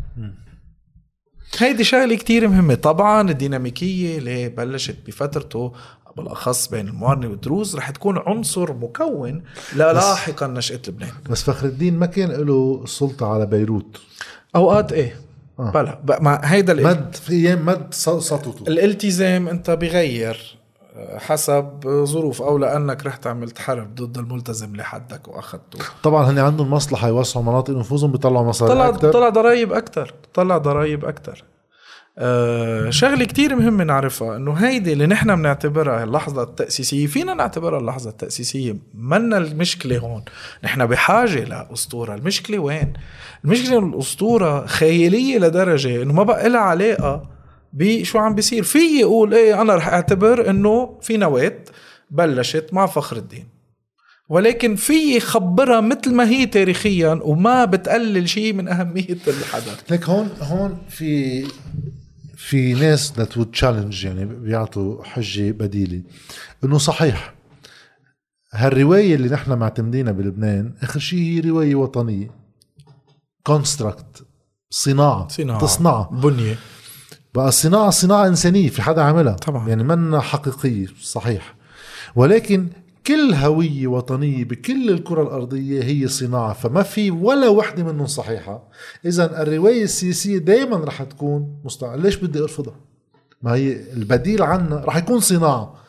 إذا رفضه خيار سياسي منه خيار هلا تاريخيا بترفضهم كلهم لأنه هذا كله كله خيارات سياسية. كله خيارات سياسية. ولكن رفضها هي تحديدا هو خيار سياسي. شو الإشكالية بالنسبة لك بهالخيار السياسي اللي انعمل بهالأسطورة اللي عم رفضها لهالأسطورة بكل المكونات اللي حكينا عنهم قبل مش بس فخر الدين. هي إنه هيدي الأسطورة أسطورة أول شيء ما مبنية على قيم. هي ما عم تجمعك على قيم. شو هي القيم المربوطة بفخر الدين؟ أو إنه الحرية أو الانفتاح الاقتصادي هدول قصص كتير هيك ما كانت موجودة بوقت بهذا ومفاهيم نسبيا حديثة. مم. اثنين هي بقلبها في بذور صناعة الخوف. بتخوف. حماية الأقليات. هي إنه أنتم يا جماعة مجموعة اقليات طوائف بوحدكم زعيم كتير منيح لما تقتلوا. صناعة الخوف وتبرير الانقسام. بالأخص سردية وطن الملجأ أو نحن فينيقيه يعني نحن منا عرب يعني نحن مخصنا بالإسلام. كل هالأمور المشكلة الأساسية إنه هيدي السردية اللي نحن حبيناها إنها تكون جامعة هي عم تقسم أكثر ما عم تجمع. طيب الخطوط العريضة تبعها إنه في خليهم ما في أي مشكلة أجي أحط له هلأ صورة لفخر الدين اللي قبل مؤسس لبنان بدك تعمل الأسطورة المؤسسة بس خليني أركب قيم عليها. شو هي القيم؟ يعني إذا بدك هذه النقيض للثورة مثلا الفرنسية اللي كمان صياغتها في كتير إشكاليات طبعًا تاريخية طبعًا. حولها. ولكن إجت تقول إنه هالرواية جاية تعطي شرعية لثلاث مفاهيم هن فرنسا. هن فرنسا المأخوذين من فكر فلاسفة. والعدالة والحريه فلاسفة عصر التنين وفي بعد فلسفي هلا ما عم قارن بفرنسا لبنان لأنه في إطار تاريخي مختلف. ولكن هيدي السردية ما فيها هالقيم اللي ممكن تبني هالحس إني بنتمي لبلد لمساحة مشتركة من المواطنة. لا مجموعة طوائف بتعزز الطائفية بتعزز التقسيم الطائفي. بس حتى هيدي قصة القيم انعكست بالهوية الفرنسية. يعني طبيعي هي هاي شغلتها فعليا. لفترة طويلة من الزمن رغم إنه فيها بعض النفاق بمحطات كتير. كل انت الانتماء لهذه الأمة هو بانتمائك لهالقيم. إذا أنت بتجي على فرنسا بدك تاخذ هالدستور اللي هو يعبر عن هالقيم أنت فرنساوي. عشان هيك اليوم عم نشوف مشاكل بفرنسا. وقت عم بيصير عندهم مشاكل مع الأقليات صارت الهوية الأساسية مهددة. هي مهددة. يعني نحن بلبنان إذا واحد بيسمي شو القيم اللبنانية؟ التركيز كان بالرواية المسيحية. على الحرية على الحرية نحن الحريه دينية منا حرية الشخصية لا لا. هي فعليا نظرة كتير ضيقة للحرية. هي حرية ضمن ضمن ما أنت مسيحي منتمي إلى الكنيسة. أنت ما عندك وجود إذا براتها كثير بتفسر بلدنا يعني ما في حريات فردية في حرية في حقوق الطوائف ما في حقوق الأفراد. هي تجليطة كتير كبيرة. هي مسألة لبنان بلد الحريات. أي حريات؟ حرية طول ما انت أنت عم تقدر تصلي أو تنتمي لطائفة معينة. حريتك الدينية حريتك الحريات الأخرى كان حريه حرية الشخصيه حريتك السياسيه آه، تعبير. تعبير كله كله كله. نفاق هيدي قصة إنه نحن بلد الحريات. غير قد إيه في قيود على الصحافة وتاريخيا آه، آه، بينت بشكل كتير واضح عبر اغتيالات من من عهد الاستقلال هذا غير البنية الاقتصادية الاحتكارية اللي طبعا. هي أصلا فيها قيودها بيحكوك إنه هيدي الحريه التبادل الحر النيوليبرالية يا جماعة من أهم الأسباب ليه هالقد الوضع سيء اقتصاديا. ف هالمقاربة إنه هيدا بلد الحريات وانبنى ليحفظ حريات؟ عم تخدم السلطة الدينية والسلطة القائمة آه، لسيطرة أقلية غنية. لما نقول برجوازية لا بلشوا هلا آه، نظرة صغيرة للتاريخ بس هي هي هيك هيك صايرة. بس برجع لفكرة إنه إيه هيدي فكرة إنه لبنان بلد الحريات لا. م. شو هالحرية؟ إذا أنت بدك تعبر رأيك على أمر ديني ما بتوافقه من منظار علمي مش رح أقول من منظار تقليل احترام لأنه حتى حتى بالحرية لك حق يعني ما أيه. ما حدا له معك كيف بدك تعبر. بيجي لا وهيدي بتهدد السلم الأهلي. شو هالهوية الهشة ما إذا واحد بده يعبر عن رأيه انهارت؟ بلاها صحيح. صحيح. أساسا تعرضها الدائم للخضات هو ناتج عن قديش هششتها أساسا أنا دائما بعلق على شغله إنه في فكرة هاي بالدستور تبعنا ما بعرف إذا موجود بشي دستور تاني بالدنيا لأن كثير معبر شو هي؟ قصة لبنان وطن نهائي الجماعه شو يعني؟ بركي اختفى لبنان بعد 10 سنين. كيف من تاريخيا بالدستور يعني نهائي مش مفروض تعمل. هي هي انوضعت إنه لما يصير في عملية أي وحدة مع سوريا أو وحدة عربية إنه بس كمان هيدول هيك مش شو إلها طعمة هيدي تنحط؟ بفهم الإطار اللي انحطت فيها بس شو إلها طعمة هلأ لبناء دولة حديثة إنه وطن نهائي. ما بعتقد بقى في صراع إذا لبنان لازم يكون موجود ولا لا. تخطيناه. كان جزء أساسي من الصراع القائم بس هلأ تخطيناه.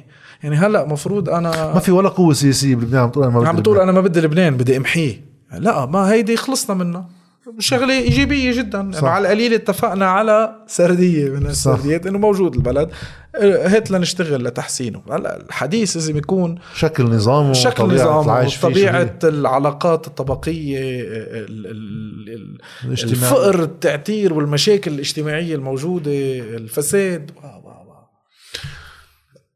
حكينا عن أول إذا بدك هيك انحياز تاريخي للمتصرفيه على حساب الأطراف. عم في واحد يزيد على بقية الأطراف شوي واحد يحكي شوي عن الجنوب؟ وينه بتاريخنا الشمال والبقاع ما بعرف إذا عندك هيك. نقط المقاربة التاريخية لشو بيتعلموا طلابنا بشكل خاص هي إنه إيه هيدي النواة هي الإمارة الشوف دروز موارنة توسعوا مقاميتين متصرفية لبنان ليه اسمه الكبير نسبة لشو؟ لشو؟ للصغير. شو هو لبنان الصغير؟ المتصرفية. في عظيم. وبعدين هيدوليك جبناهم حطيناهم ركبناهم المقاربة السليمة هي نبلش نطلع من تاريخ المركز لتاريخ ما يسمى أطراف. يعني هي ما كانت أطراف. يعني هو كل. هالمناطق هي كانت أطراف لدمشق أو لصيدا أو لطرابلس. وجبل لبنان منه. طب طبعا هو الطرف بامتياز هو منطقة ريفية منه مركز ما في مدينة بجبل لبنان. المستحسن إنه نبلش نخبر أول شيء تاريخ المناطق الريفية غير جبل لبنان. مثلا في عنصر أساسي إنه هلأ الشيء اللي بنسميه جنوب هو ما اسمه جنوب هو اسمه جبل عامل وبلاد بشارة. شو المشكلة إذا بنرجع بنسميه جبل عامل؟ بمجرد ما مثل ما عم كنت عم بتقول إنه جنوب هو جنوب الجبل صحيح. جنوب النواة مثلا في عنصر كتير أساسي من اقتصاد هالمنطقة لفترة كتير طويلة هي إنه كان ينتج قطن. جنوب؟ الجنوب كان ينتج قطن وهيدي إنتاج القطن هي سمحت لأن تعرف بالتشيع الاثني عشري في دور كتير مهم للتعليم للحوزات لتعليم ال ال ال تأمين استمرارية العقيدة وكمان المنظومة القانونية. والحلو إنه كان في سلالات علماء لا قرون وقرون. طب مين بده يمول هالمدارس؟ هي عائدات هالقطن. ولاحقا وقت صار في حملات عنيفة جدا بالفترة العثمانية بالأخص نهاية القرن الثامن عشر مع والي اللي بيسموه الجزار والي عكا دمرت كل هالمنظومة. بس آخذ هالجانب الاقتصادي لا مفوت بأمور دينية وفي هالمنطقة بتنتج قطن. طب ليه؟ كيف؟ وين؟ وين كان يروح على القطن؟ كيف كان ينزرع على القطن؟ يعني المنطقة غنية كتير بالماء وليش اختفى؟ اثنين جزء من القمح اللي كان يستهلك بالنواة يجي من جبل عامل. منطقة زراعية بامتياز. شو صار لا اختفى. وهيدا الشيء ممكن يعطينا فكرة قد إيه هالمنطقة فينا آه، إذا في خطة فعلية لتنمية اقتصاد البلد. نرجع ندعم هالاقتصاد ليه طرابلس قليلة طرابلس غائبة عن التاريخ اللبناني أو بالتاريخ الماروني التقليدي هي مدينة المسلمة. هي المدينة اللي إذا نزلت عليها أنا ما عندي دور. هذا كتير كتير كتير كتير كتير حديث يعني. هيدي حدي هيدا المتنفس الطبيعي للداخل الماروني. كيف بدها تعيش هالمناطق الريفية هالمناطق الريفية المارونية هي اللي كانت تزود طرابلس بحاجياتها الغذائية والطرق التجارية اللي جزء منها بتخلي إنه طرابلس تكون موجودة. هي طريق نحو فجوه حمص للداخل وطريق اللي بتطلع من من ضي- ضيعة وادي وادي شو اسمه الجبة وبتنزل على بعلبك والشام. غير إنه طرابلس يعني نحن في شغلة ما بنقدر نتصورها بس نروح نشوف الفقر والتعتير بطرابلس إنه هي كانت من أغنى مدن المتوسط. طرابلس بالفترة المملوكية محور تجاري رئيسي. هذا كان بدي أسألك عنه. ليش بيروت؟ استمر بدورها الاقتصادي كبرجوازي واستخدمت المرفأ كأساس لتركيب حواليها هيك بنية تجارية حتى البنية التحتية تبع الطرقات وكلها مرتبطة بالمرفأ. هي ش- وطرابلس صارت طرابلس. هي شيء كتير جديد بيروت صارت هالقد مهمة.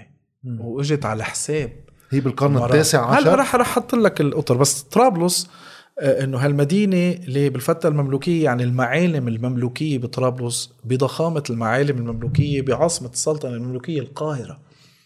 ما في أي. عندك مدينة متكاملة نسيجها العمراني والسكانة وقت عم نحكي عن كامل. المماليك عم نحكي من فترة 1250 1516 عم تحكي على نسيج جميل ما التاريخ كمان هو مش بس هدول حكي سياسي وحروب هي كمان الحياة اليومية والتفاعل بين الناس والمعالم والهندسة والأكل. حرام مدينة هالقد عناصر التطور تبعها موجودة بدها بس حسن تنظيم مهمولة. بيروت حديث نسبيا أهميتها عرفت مرحلة آه، ثلاث مراحل ازدهار لنقول إذا بدنا نحطها. بالفترة الرومانية كانت كتير مهمة. كانت هي مركز للقمح تبع البقاع. مش مثل ما بيقولوا لك اهراءات روما. هي من الأهراءات اللي بتزود الجيش الروماني بالقمح. منها مش الوحيدة.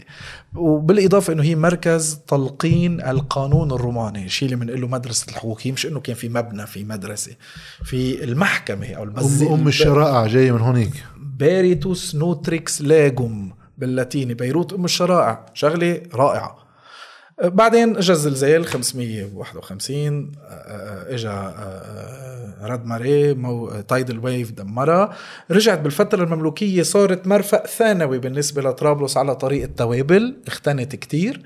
رجعت بعدين آه، آه، مع في شيء اسمه آه، التجارة ما عادت بالمتوسط مع اكتشاف القارة الأمريكية وفتحوا طرقات. لرجعت من بعد قناة السويس عدة عوامل أدت توسع بيروت. أول شيء في فترة عشر سنين حكمت بيروت من قبل شيء مسميه المصار بانه مش اللي هي محمد علي باشا والي مصر وابنه إبراهيم باشا قرروا يعملوا سلطنة على حساب السلطنة العثمانيه استخدموا عائدات مصر الهائله ليتوسعوا واحتلوا ما يعرف هو يعني هالخريطة من وقت ما كان حاكم آه، آه، محمد. وصلت مصر لهون. لهون. محمد علي وإبراهيم باشا. هلا سؤال عن parenthèse قبل ما تكفي بال story إيه؟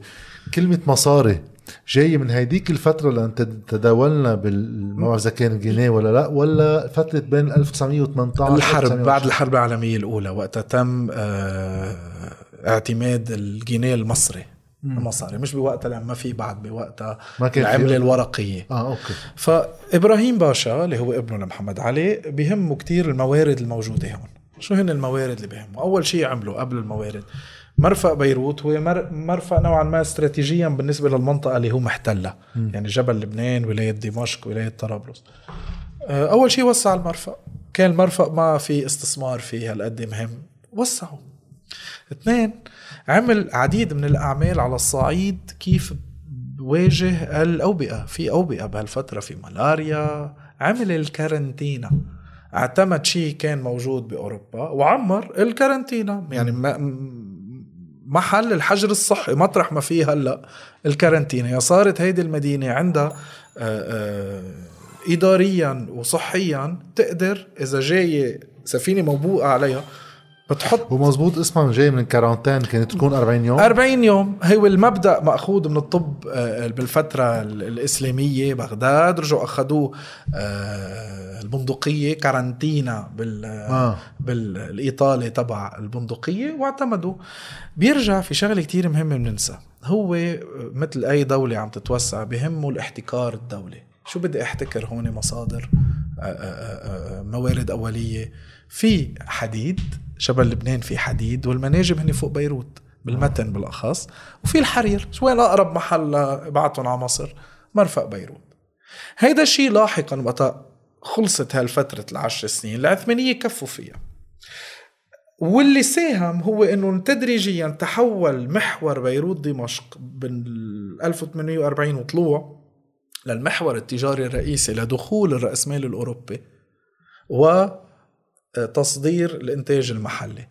ونظرا لاهتمام الفرنسيين والرأسمال الفرنسي بحرير جبل لبنان وبتنبك العلوية جبال العلوية والحنطة والحبوب تبع السهول اللي هلأ هي بسوريا صار في استثمار فرنسي لبناء طريق حديث طريق حديثة بين بيروت ودمشق لاحقا صارت سكة الترين كمان. يعني صار في البنية التحتية من توسيع مرفأ لطرق جديدة لاجهزه إدارية لمواجهة الأوبئة وإدارة جديدة للمدينة ساهمت ب كب بيروت لكثير أكثر ارتقاء وتحولت لمركز للقنصليات ولا لأنه هيدا الاقتصاد العالمي الرأسمالي الجديد بحاجة لمصارف مراكز آه، صح. شركات تأمين. صارت كلها ببيروت؟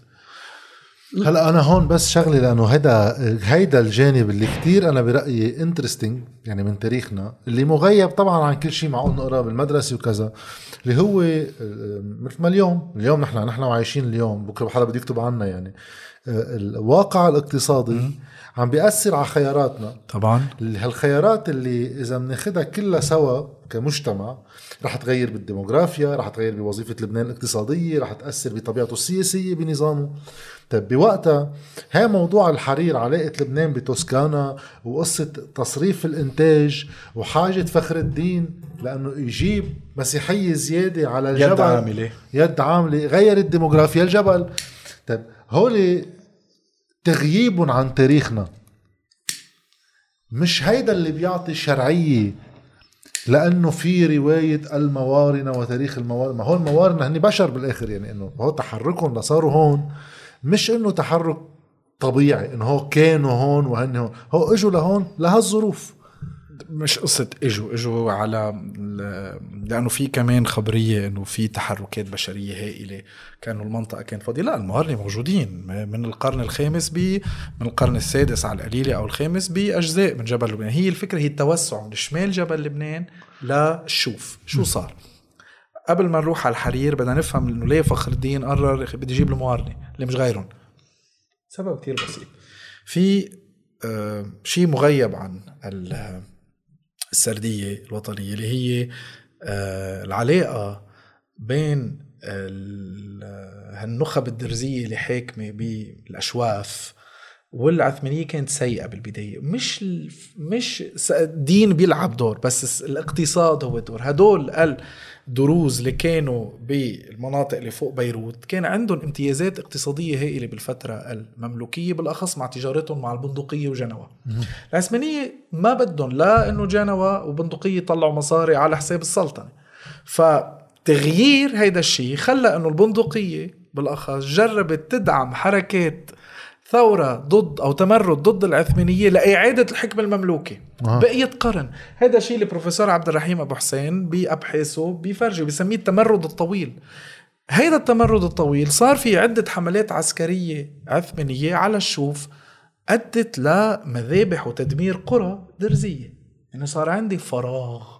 بمين بدي أعبيه هذا الفراغ؟ عندك مئة سنة من حملات مستمرة. انتقلوا الدروز بهذا الجزء من جبل لبنان من أكثرية ل آه، أقلية. عندها كتير أراضي بدها تستثمرها.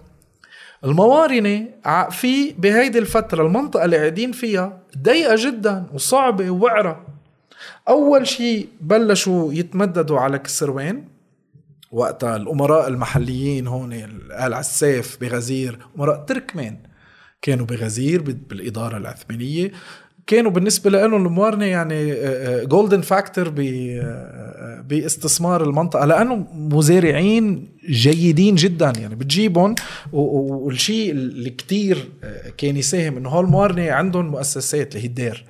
هذا الدير بيجي بنفس الوقت هو بنظم العمل الاقتصادي والاجتماعي والديني يعني نوعا ما firm جديده ما بنعرف ليه آه، آه، ما بنعرف إذا هيدا الشيء اللي خلى فخر الدين يعطيهم هالمجال بس على الأرجح. وهيدا التمدد استمر 200 سنة. لا بالاخير صاروا الموارنة هن العنصر الأساسي لإقتصاد ما يعرف اللي بنسميه بالإمارة اللي هو إنتاج الحرير ك cash crop إنك أنت سلعة نقدية بتبيعها تطلع منها مصاري آه، هي بتأمن استمرارية هالسلالات الحاكمة مش بس يعني المعنيين وال... والشيء اللي بنسميه الإقطاع. وكمان بتطلع مصاري لهالموارين اللي شوي وشوي عبر علاقتهم بهالسلطة الحاكمة الدرزية أو السنية مع بيت شهاب بالبداية. رح يصير عندهم دور سياسي كتير مهم. رح يفوتوا أول شيء ك بمنصب اسمه مدبر عام general manager طب هن يعني رح ينتقلوا من آه، طائفة ريفية بالهوامش ل حدا بالمحور على الصعيد الاقتصادي ولاحقا السياسي. أخذت وقت. حتى أنا في شيء قريه آه مني أكيد إذا مسعود ظاهر ولا لا. كتاب تاني شو هو؟ عن الصراع آه، بين الرهبنة والكنيسة. وقت الرهبنة والأديرة اللي عم تحكي عنها صار في عندها يد عاملة مجانية اسمهم الرهبان. بيفلحوا الأرض بيعلموا بيطببوا. وعلاقتهم بالناس اللي عايشة هونيك سببت إنه الناس تعطيهم أوقاف وقت يموتوا جزء من أملاك. صارت تتجمع. بوقت الكنيسة كانت للعيا المرتبة بيت الخازن وكذا.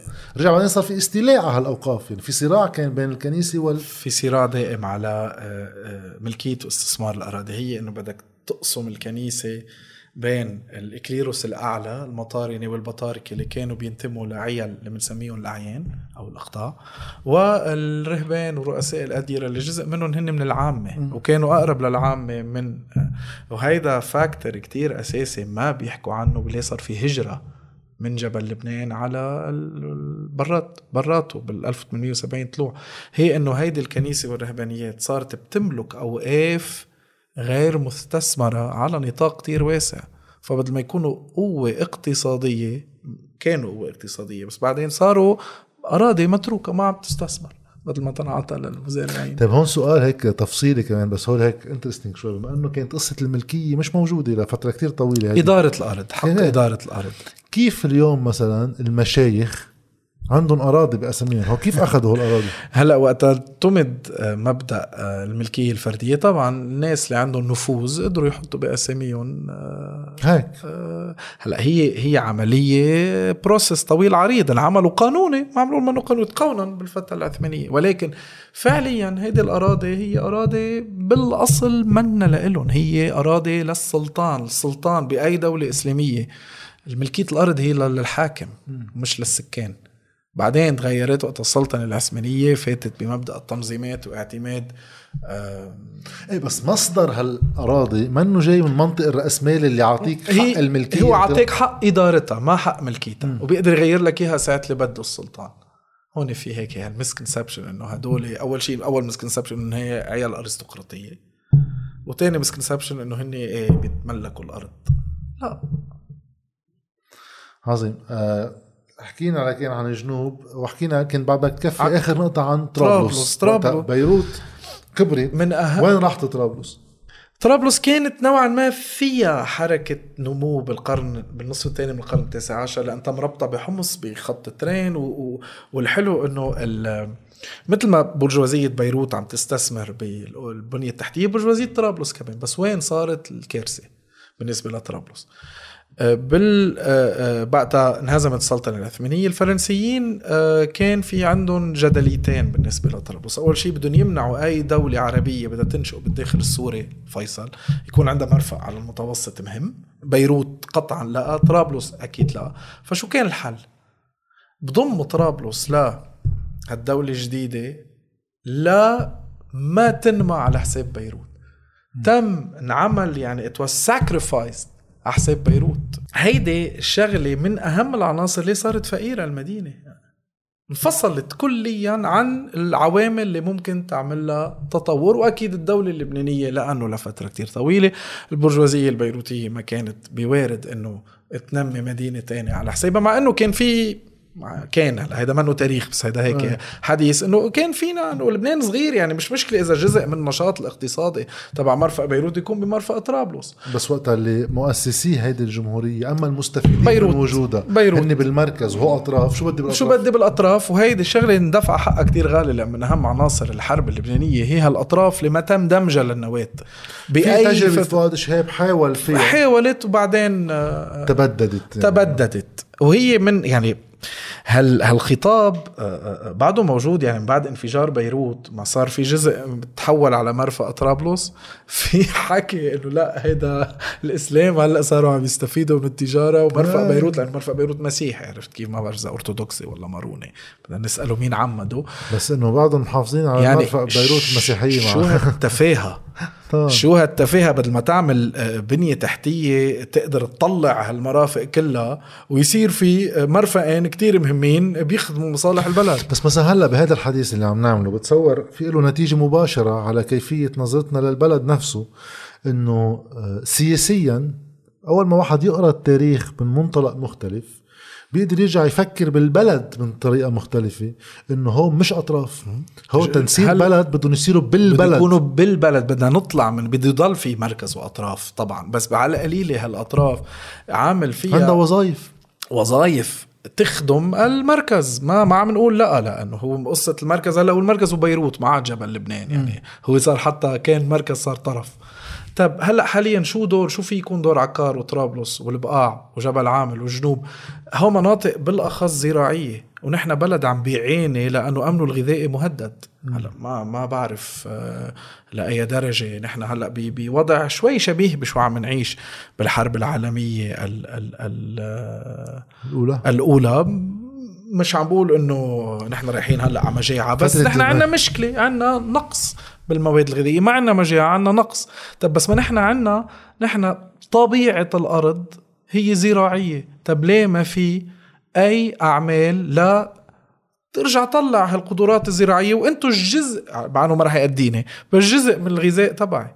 بس ما هون في المصالح القائمة بالبلد واللي حكمت عن فترة طويلة. نستورد أو نموت. إيه، يعني مصالحهم هي عكس الزراعة. ف... مصالح الطبقة الحاكمة هي نستورد أو نموت. يعني دكتور فواز طرابلسي حكى عنا كيف بنيت هيدا الاقتصاد والسياسي ودكتور جورج قرم وكتار غيرهم قد إيه مترابطين وقد إيه أي عملية تنمية لقطاعات غير قطاع الخدمات هي بتقتل هيدي هلا المنظومه رح نحكي شوي عن سايكس بيكو لأنه أنت كمان هلا شفتك عم تقرأ كتاب فواز طرابلسي عن موضوع سايكس بيكو.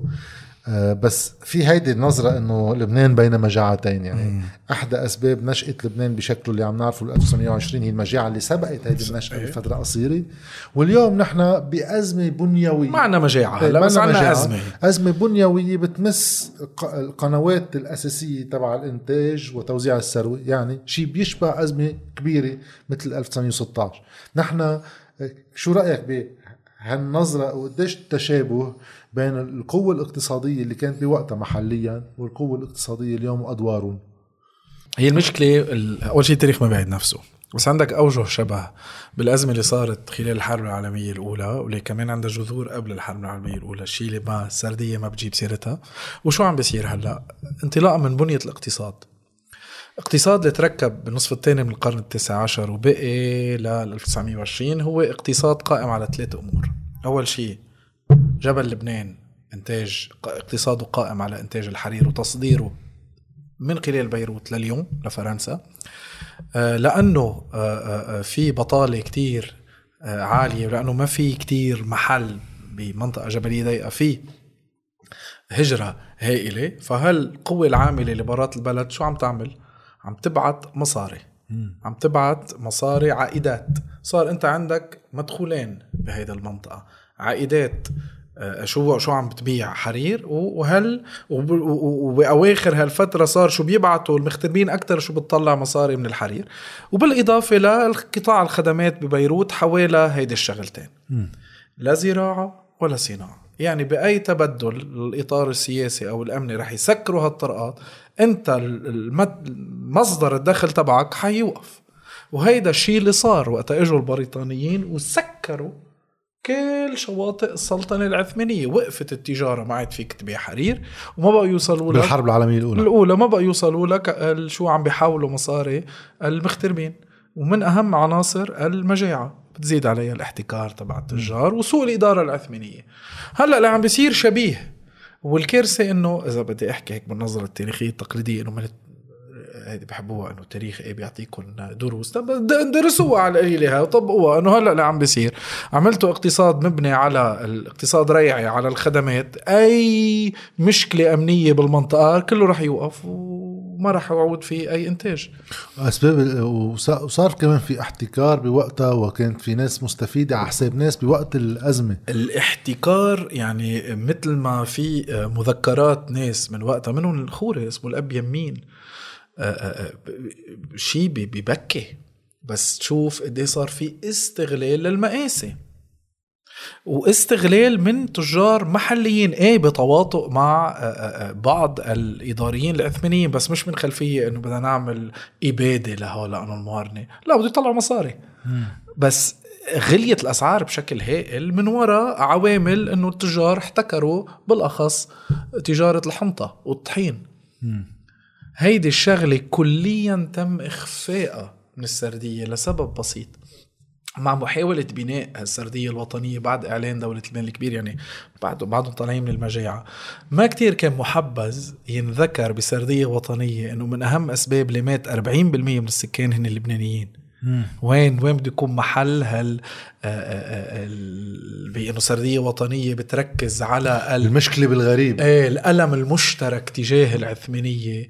طب هالألم المشترك تجاه العثمانية عرس إيه موجود؟ ما ما رح نقول لأ. طب بس هدوليك الجماعة المحتكرين والتجار اللي احتكروا وضبوا القمح شو وين بنحطهم ما بنحكي عنهم؟ وجزء منهم لأنهم بناس بعد عندها كتير نفوذ.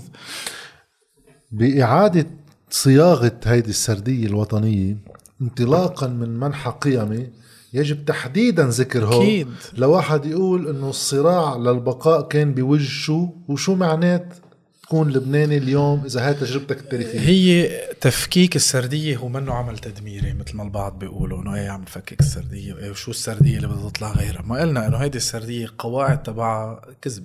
ونفاق وما في قيم وبتعم بت بتعزز الخوف وبتعزز الانقسام وبتعزز السلطة الحاكمة إن كان دينية أو سياسية أو اقتصادية طيب شو بدي فيها أنا ما هو فعليا وقتها اجى لبنان الكبير وبقيت البرجوازية أما الأعيان الحاكمين تعززت أدوارهم بالشيء الجديد اللي اسمه دولة لبنان حولوا هالمصالح عندهم لجزء من السردية الوطنية منهم الهجرة إنه الهجرة آه. شيء منيح شو بيسموها؟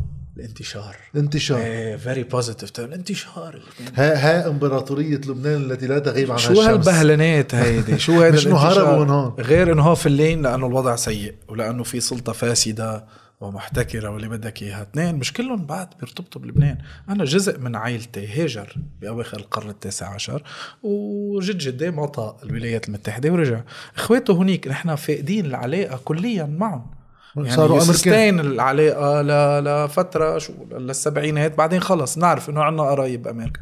عمي نفس الشيء راح مجوز وعمل عائلته بأمريكا يعني أولاد عمي أمريكان. يعني جنريشن شوي يعني بيقولوا مرحبا وبيسبوا لأنه شغلة. ليش لا؟ بيعرفوا المسبات وبيعرفوا كم حكي بال الواحد بيعرف يا المسبات يا الأكل. طب ولادهم؟ خلص. فهيدي الفكرة إنه إيه كل هالانتشار ناطرك ناطر يجي على لبنان. وأحزاب سياسية ب- فوتتها بالسردية ومشاريعها إنه أغلبهم. الطاقة اللبنانية والسردية إيه إيه إيه طبعا. شو هالحكي؟ والفكرة إنه أنت حاجتك للهجرة أول شيء لما تعترف بمصيبتك الداخلية اللي أنت عم بتسبب الهجرة بهالكميات طبعاً. في دولة هيك طبيعيا يعني في واحد بده يشوف شو بيقولوا المشكلة لك هذا المصدر الأساسي. نحن شو بنصدر الرؤوس إيه. المخوخ. بس مالك ملا جريمة بدل ما نصدر سلعة لنحسن مستوى العيش هون بنصدر البشر إنه هي مش صايرة بطريقة positive ابدا. هي جزء من هيدي النخبة اللا مسؤوله ليه؟ ما أنت ليه بتحط حدا سياسي؟ يعني نرجع لل base شو يعني سياسة؟ إنك إدارة شؤون مجموعة لا تتحسن لا تتقدم ما لا تصير أسوأ أو لا يهربوا. شو الإشكالية بسايكس بيكو؟ شو الإشكالية اللي الدكتور فواز طرابلسي كتير حكى عنها؟ وبيقول إنه في عنا stigma. صح. في stigma خاصة بشو خبرونا. الخطيئة عن- الأساسية. الخطيئة الأساسية. إنه إجت مثل ما بيقول بكتابه اللي هي سايكس بيكو ما وراء الخط الخرائط. الرواية السائدة إنه يا جماعة هاي المنطقة هي موحدة. هي وحدة سياسية وإجوا الغرب وقصبوا. ما هي هي المشكلة إنه سردية أو لبنان أو سردية سوريا الكبرى وها كلهم ها سرديات خيالية يعني جزء من مكوناتهم خيال. أو قراءة غير سليمة للأوضاع.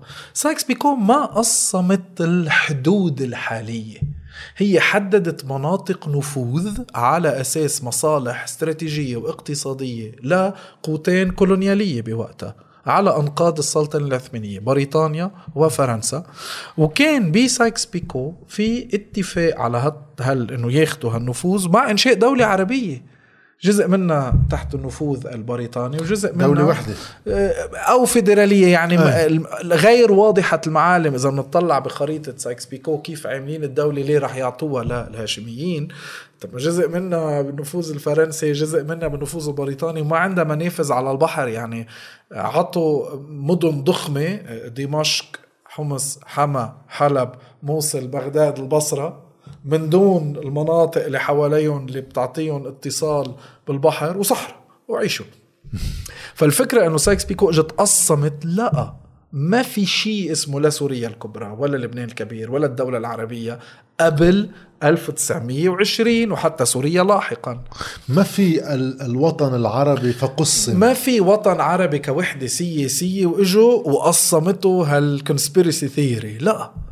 علما إنه الحدود الحالية منا نتيجة سايكس بيكو هي نتيجة سان ريمو ولوزان لاحقا وال- والاتفاقيات اللي إجت بين ال 20 وال 23 فهيدي الفكرة إنه في خطيئة تقسيمية. أول شيء أنت دايما كثير هين تحط الحق على غيرك. تمام. بتشيل المسؤولية عنك. ودايما في عندك هالفكرة المتخيلة إنه أنت وحدة وإجت تقسمت. لا. حتى استخدمتها داعش هيدي السردية إنه إلغاء حدود سايكس بيكو. لا. ما, حدود سايكس بيكو لنروح لوين؟ ما هيدا السؤال. إذا هي عودة لوطن عربي هو وحدة لا. في وحدة ثقافية إيه بالأخص بالمراكز المدن. كان في ثقافة مشتركة للمدن؟ لأن إحنا بننسى. هيدي فكرة كتير سائدة. إنه إيه العرب بدو؟ لا. الحضارة العربية بنسختها الكلاسيكية أموية عباسية هي حضارة مدن. ومش مش حيالله مدن. مدن محورية بتاريخ العالمي بتحكي عن بغداد بتحكي عن القاهرة عم تحكي عن دمشق بتحكي عن قيروان. ما عم تحكي عن يعني مدن ساهمت بشكل هائل بالحضارة البشرية. فهي الفكرة إنه إيه إجوا قسموا غير سليمة وغير بس, قراءة. بس بتشبه الفكرة كيف اللي انعمل بالسردية اللبنانية إنه هيدا في وعودة لورا وعودة لورا.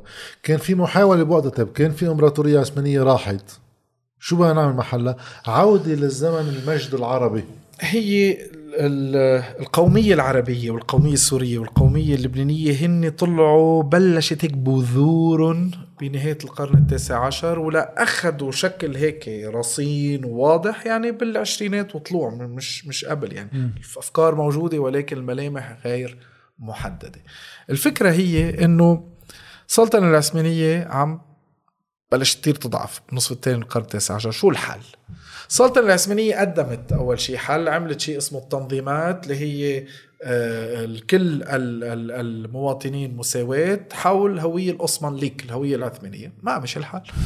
آه، المنطقة هون بالأخص المنطقة العربية في نهضة ثقافية. قالوا طب نحن مسيحيين ومسلمين ويهود اللي بنحكي عربي نحن بتجمعنا مجموعة قيم ومجموعة آه، آه، من إرث أدبي يعود إلى ما قبل الإسلام. تعالوا نتحد ونعمل فيه بلد.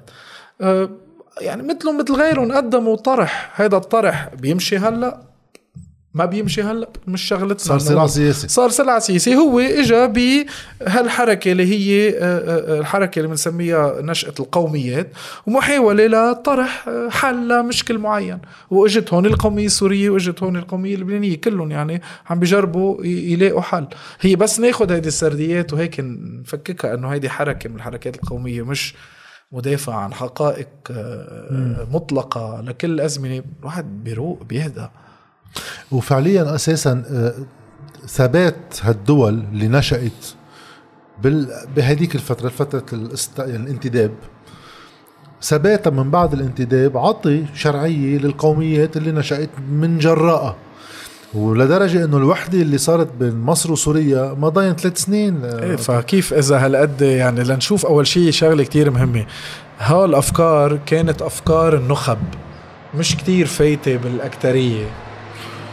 كمان كله ضجيج طبيعي كهرباء ما- كله مزبوط ف الوحدة فشلت وكان فشلها يعني ذريع. وسريع. آه، وسريع. شو ثلاث سنين؟ يعني 58 63 خمس سنين. شو؟ هو اللي ما بيتاخد بعين الاعتبار وقت واحد يحكي عن وحدة غير الفكرة الرومانسية تبع الوحدة. ويمكن الأهمية الجيوبوليتيك إنه كل ما بلد يكون أكبر كل ما يكون كل ما يكون عنده أكبر. موارد أكثر بس بنفس الوقت في نخب كان في واحد اسمه رئيس جمهورية أما رئيس حكومة أما رئيس جمعية مصارف صار موظف عند رئيس آخر. صح صح. صار في يعني صار آه، آه، نوعا ما اجتماعية نوعا. ما كانت وحدة بس المظاهر تبعها كان احتلال مصري لسوريا يعني وجزء كتير من النخب السورية. آخر شيء ما بقى بدنا لأنه هيدا صار في عملية إقصاء لما كان يسمى القطر الشمالي. أنا بحبوا هالأسامي قطر وكذا هي إيه في وحدة ثقافية وكذا بس هل ضروري إنه يكون في وحدة سياسية عربية؟ لأن هالفكرة لعبت دور كتير مهم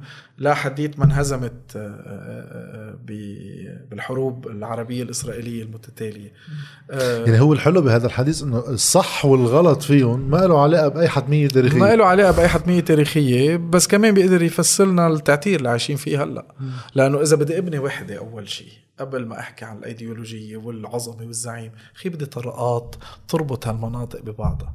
كيف بدك تعمل وحدة أنت وخط ترين ما عندك طريق ما عندك؟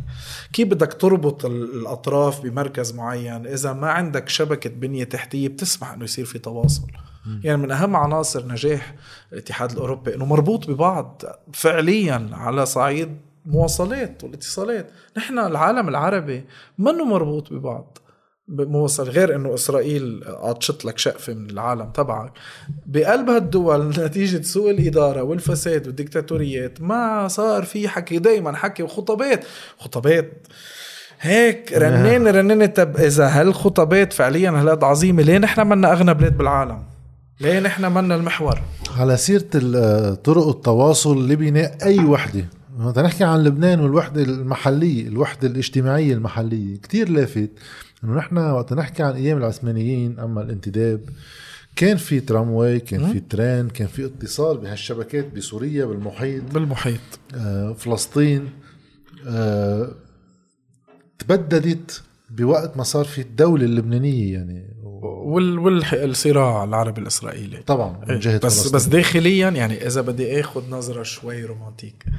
إيه كان المنطقة بالولايات الموجودة بالفترة العثمانية مربوطة بشبكة ببنية تحتية أفضل من الموجودة. هلأ مش أفضل بالفعالية لكن أفضل بالمبدأ إنه إيه في خط في سكة حديد بين بيروت ودمشق في سكة حديد بين بيروت رياء آه، بعلبك لحلب في طرابلس حمص وفي خط الحجاز اسطنبول المدينة وفي الأورينت إكسبريس مربوط بأوروبا. يعني نوعا ما عندك كان القدرة إنك تاخذ هالبنية وتكبرها. اللي صار إنه أول شيء جقفة من هيدي بال... ونزاد عليها بالحرب العالمية الثانية الخط ال- سكة الحديد الساحلية اللي عمروها ال- الإنجليز بالأخص الجنود الأسترالية. الفرنسويه ما ما ما عمروها يعني كانوا ما بعرف شو كانوا معجوقين بوقتها بس إنه ما ما عملوا هالبنيه التحتية آه، مع تربيح الجميلة إنه فرنسا ولبنان كذا طب ما- ليه ما عملتوهم صح. آه، هيدي انقطشت مع 48 نكبة آه، آه، آه، بيرجع بالحرب هون. تفكفكت ومن بعد الحرب هي اعتماد سياسة ما بدي بقى استثمر بهالبنية التحتية لا آه، يمكن لنمي احتكارات الس- السيارات وال- والفساد. يعني معقول بلد خلص حرب فيه بدك تبني سلم أهلي ما بتوصل المناطق ببعض. وهون أنا بدي أرجع لبيروت. قبل ما نختم شوي بموضوع ليش دائما الهوية بتنطرح وقت الأزمات؟ ويمكن self-evident السؤال بس نرجع نحكي فيه. بيروت بعد الحرب. يعني اليوم إذا أنت عندك عاصمة آه لاسمها عاصمة يعني. مركز. بتعصم يعني عاصمة شيء بتع- بتعمل شيء جا- جامع. ولازم تكون. إيه، شو يعني كيف واحد في يفسر إعادة أعمار بيروت على الشكل اللي صار في إعادة؟ صارت buffer zone صارت منطقة عزل اجتماعي. جريمة. جريمة بمعنى الكلمة. تفكيك للنسيج الاجتماعي والعمراني والاقتصادي لمدينة لما تعود تلعب دور المدينة الجامعة. صارت مدينة تشرع الانقسام لأنه شرقية غربية صحيح ما عادت موجودة بس فعليا فرزت المدينة. وهلا هي ثلاث مدن هي شرقية غربية. صحيح ما أنا موجودة بقى بس هي صح. ضاحية أشرفية غربية إنه. آه. ثلاث مدن آه، قد ما في عم بعدهم عن بعض. وإذا بتطلع خد جوجل ايرث خد الأوتوسترادات ببيروت. معمولة على الخطوط الطائفية. يعني بكل بكل سهولة بتقدر تتسكر وتصير وحدات معزولة عن بعضها. غير إنه المنطقة اللي هي الوسط التجاري اللي هي تسمية آه، مجحفة. الوسط التاريخي ما إنه الوسط التجاري اللي عم بختزل تاريخ مدينة ب وظيفة تجارية. وظيفة تجارية. هيدا الوسط التاريخي تبع المدينة اللي كان عابر للطوائف بالأخص بالفترة اللي هي 43 75 منطقة مخلوطه وهي إيه مفروض يكون في؟ بيطلع لي واحد قال شو أبو رخوصه هيدا السوق. إيه. هيدول جزء من المدن إذا ما بيكونوا موجودين المدينة مش للأغنياء.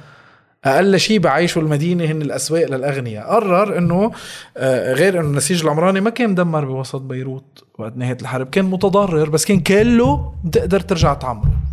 إعادة الأعمار بالشكل البناء اللي صار. شو طمس؟ يعني شو كان موجود وكيف كان بيكون الشكل؟ أول شيء شلت شقف كتير كبير من المدينة physically هدمت مباني. ما كان هدمت أحياء. وادي أبو جميل الخندق الغميق جزء منه للخندق الغميق أنا بنسمع عنه بالإعلام بس جزء منه كان تحت الرينج. هو parking هلأ. أحياء بكاملها تم نسفها أم، الأحياء اللي حوالها هي بسموه صيفي village أنا هيدي إنه شو هالتجليط؟ خي كيف يكون في village بمدينة؟ ما هي مدينة هي عكس ال village شو هالغلاظة؟ هالغلاظه تجارية. التجارية. اللي كتير بحبوها بلبنان. الزيتونة باي. الزيتونه باي حي الشراميط يا جماعة. وحي الفنادق. ما والفنادق وسوق العمومي هول امور كتير أساسية نضلنا نتذكرها. وتضل هالوظائف. إيه طبيعي يكون في مدينة في سوق دعارة. يمكن الكلمة بكل الكلمة عاصمة بالكرة الأرضية. الكل الكلمة كتير بشعة بس بوقتها هيك كان اسمه. هيك كان اسمه بدنا نواجه هالأمور مثل ما هي. طمست أول شيء آه، تاريخ المدينة. شو خلوا المباني الدينية؟ وال iconic بعض ال iconic buildings بالأخص شو عمروا الفرنسويه يعني اللي بيخلق بهالمرحلة بيروح ببيروت ما بيقدر يعيش لا بالنظر ماشي، ولا بأي شيء. من حواسه كيف صرنا هون. في قطع مع رجعت. شغلة كتير مهمة آه، انشالت مساحة القتال. ما ننسى إنه جزء كتير كبير كبير من القتال تركز بوسط بيروت. فشلته أنت ما صار شيء. نحن بنحب بعض. ما, في حب ومحبة. وهيك الحب والمحبة النفاقية. هي مسلم ومسيحي بيوصوا بعض. ما, ما في يكون لبناني إنه عرفت كيف؟ إيه. بده يكون لبناني مسيحي لبناني مسلم. تفضلوا اجتمعوا. بترجع بتفلوا كل واحد على منطقته. شو التجليط هيدا. وطبعا خدمت مصلحة الطبقة اللي إنه بدي أرجع رد بيروت كمركز محوري اقتصادي مالي آه، من دون أي ريسيرش إنه صار بدبي ما عاد هون. غير إنه في في شيء كتير مأذي بشكل بكيف صارت الأمور. مش بس ببيروت هذا المنطق ركب كله بعد الحرب. حتى بخبروني إنه الفوار انطلياس تنزل في في وادي تحت في بعض الآثار ال prehistoric القليلة كتير طموها بباطون تيعمروا مدري شو. آه، انعملت كسارة آه، في عدة مواقع على الساحل اللبناني سكن إنسان ما قبل التاريخ دالية الروشة فوار انطلياس نهر الكلب. هو مواقع بتخبر بداية البشرية 750 ألف سنة. نادرة بالكرة الأرضية. نادرة بالكرة الأرضية. فجروا على المغارة مثل ما هي عملوا كسارة وغير إنه فوار انطلياس اسمه فوار لأنه بفور. ها منطقة كان فيها منطقة فيها تكون botanical garden هي ونهر الكلب. لا لشو؟ أوتوستراد تكسير مراكز حزبية هلأ مؤخرا مشاريع. وشغلة كتير مهمة نسيت. اقولها و parking ات نسيت اقولها عن بيروت على سيرة ال parking ات قلب المدينة اللي هي الساحات صارت باركينج تم تفريغ بيروت من المساحات العامة. لأنه طبعا المساحات العامة بتشكل خطر لأنه هي مراكز ممكن يتجمعوا فيها ال- ال- المواطنين لا يصير في تحديدا مش الأغنياء لأنه اللي بده يروح على المراكز العامة عادة اللي ما اللي منه يقدر إنه- يروح على مراكز خاصة غاليه يعني يعني تم وضع إذا أنت بدك تتسلى بلبنان بدك تصرف. هي شغلة فريدة من نوعها. ما بعرف إذا بيوعوا لها اللبنانية إنه أول شيء هدول جماعة نحن بلد متوسطي يا جماعة ما عندكم بحر. أول شيء إذا يا دعاة المتوسطية ما حرقتوا دينه للشط انحرق دينه ملك للشط خاص. أو بدك تروح تدفع لتفوت تسبح اللي هي شغلة غير منطقية. اثنين بدك تاخذ أولادك أو بدك تروح تتسلى بتروح على مول أو بتروح بدك تدفع. ما في بارك ما في ساحة عامة ما في كل المناطق اللي فيها تشكل متنفس للأكثرية انشالت. هيدا عنصر من عناصر السيطرة على غير إنه هاي بناء الكورنيش بينبسطوا فيهم بلبنان. هيدي شغلة كتير عاطلة. أنت عم تقطع العلاقة العضوية مع البحر. غير إنه آه، القصص على البحر هيك بيكون في آه، آه، رياحة لا خلص. أنت بتقدر تسيطر عليهم. حطيت كورنيش حطيت بلح تبع ميامي مش البلح تبعنا. لأنه هيك looks nice تحس حالك بهوليوود. تجليط ثقافة تجليط مأزيه ومكلفة. غير إنه تفريغ المساحات العامة يعني أنا بالمحل لمحل مسافر عليه بالدنيا كل العواصم كتير فيها مساحات عامة مش شوي يعني. بس الفكرة وقت تقللها لأنه بيتركوا لك محلين ثلاثة وصغار موجودين بمحل بتحسه صار غريب هيك على النظر كله بتحسه صار غريب. عم تخلق جواته كثافة كمان بتعمل فرز. طبعا. لأنه أنا سألت كذا مرة بعض الأشخاص اللي عندهم أملاك على البحر خيي. ليش أنت مسكر الشط تبعك؟ هم بتعرفوا الزلمه بكون بيحكي إنه بالملك العام وكذا. خبرني واحد منهم قال لي يا خيي فتحته أنا على سنتين. صار كل المحافظة اللي فيها هذا الشط عم يجي لعندي. سكر لي الطريق. اضطريت أرجع سكر لأن ما فيك تعمل حل إفرادي. بده يكون حل عام, عام. مشان هيك هلا بصير في تنافر طبقي بالناس اللي بتروح على هول park أنا شو هن هول ليش بدي أقعد معهم؟ بينما هن لو في وين ما كان مساحات عم بيكون المجتمع عم بيعبر عن حاله مطرح ما هو كيف ما هو. عندنا كتير إياها بلبنان هيدي الفرز الطبقي إنه إيه لا ما لازم اسبح يا جماعة البلد بلد فقير. أول شيء بدنا نكذب حالنا نحن منا بلد غني.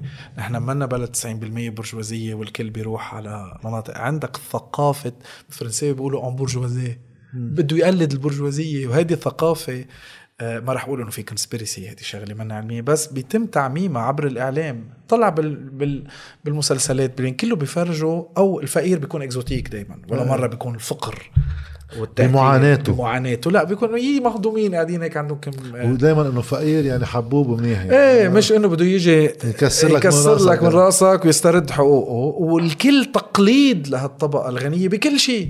بالأعراس بالأكل بالفخفخة بهالصرف المصاري الهائل على التفاهات ببلد فقير. لو بس نصير كلنا أغنياء بنصرف قد ما بدنا على التفاهات بس يصير عندي هالمساحات العامة بعمل بيسين لإلي أنا. بس صح. كل هالأمور هي على ثقافه التفكفك والفرز اللي بتخدم الطبقة الحاكمة. ما في مساحات عامة بتروح على المول مثل الشاطر. ما في شط عمومي بتروح بتسبح ببسين الكل هونيك بيشبهوا بعض. هيك لي جون شيك. هيدي كنت دايما لتلاميذي إنه لي جون شيك ما بدهم يشوفوا حدا فقير. يعطفوا خلاص. صح.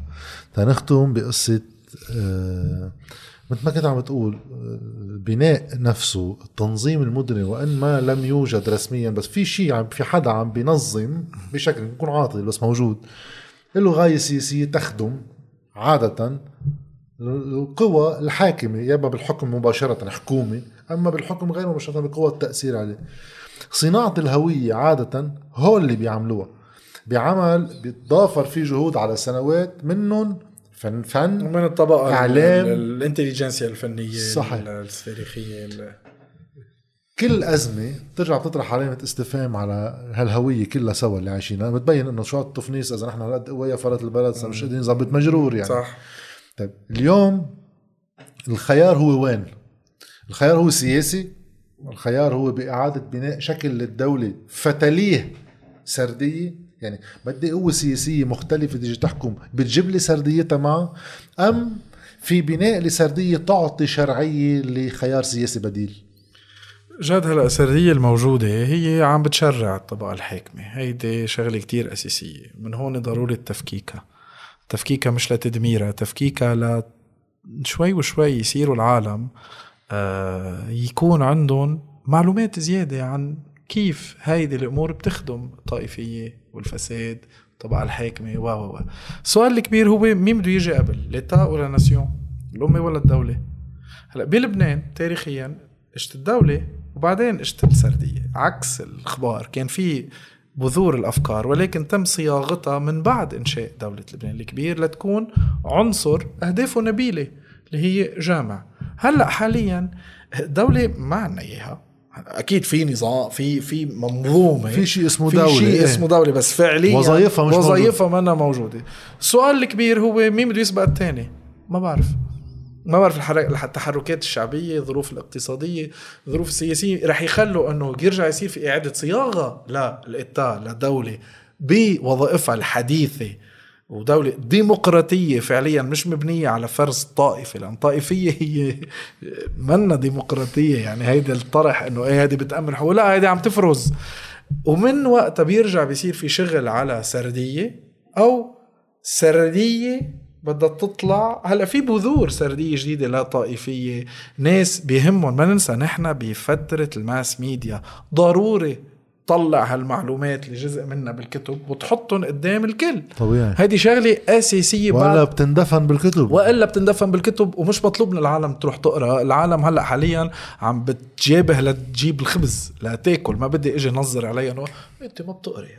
روحوا قروا روحوا قروا خي ما معه وقت يقرأ هيدا الزلمة. بس كل القوى والمرأة. السياسية بالبلد والشخصيات اللي عندهم أي إطلالة على الحقل العام عليهم الواجب هن يقوموا بهذا الدور تيرجعوا الناس على اهتماماتها ومصالحها. إيه هيدي بمنظومة طبيعية. بأي دولة طبيعية اللي عم بتأمن التقدم. نحن حركتنا مش بس رجع لورا للدفاع لأنه الزعماء بيدافعوا عن قضايا الطوائف. هي نيجاسيون لل- لل- للحاضر. خلص انت محبوس. لا حديت ما يجي حدا يأمن لك حقك لتتقدم حق- حقوق الطوائف المشكلة كبيرة إنه إيه السرديات التاريخية بتطلع بترجع بتصير عنصر من الأزمات لأنه بجربوا الناس يلاقوا جواب. خي شو عم بيصير؟ ليه أنا هيك؟ التاريخ بيعطيني إجابات. ممكن يخليني شوي أفهم شو ممكن يصير بالأحداث؟ أكيد ما بيقول لي لوين رايحين وإلا بصير خيال ما بعد تاريخ. عظيم. أنا بدي أشكرك رح أرجع أكمل معك هيك بعشر دقايق ربع ساعة رح أنزلهم لحالهم لأنه هيك في أسئلة ما لهم سياق بهالحديث. رح أسألك إياهم سريعين. نشرق على هذا الجزء وبنرجع بنشوفك هلأ. شكرا يا جاد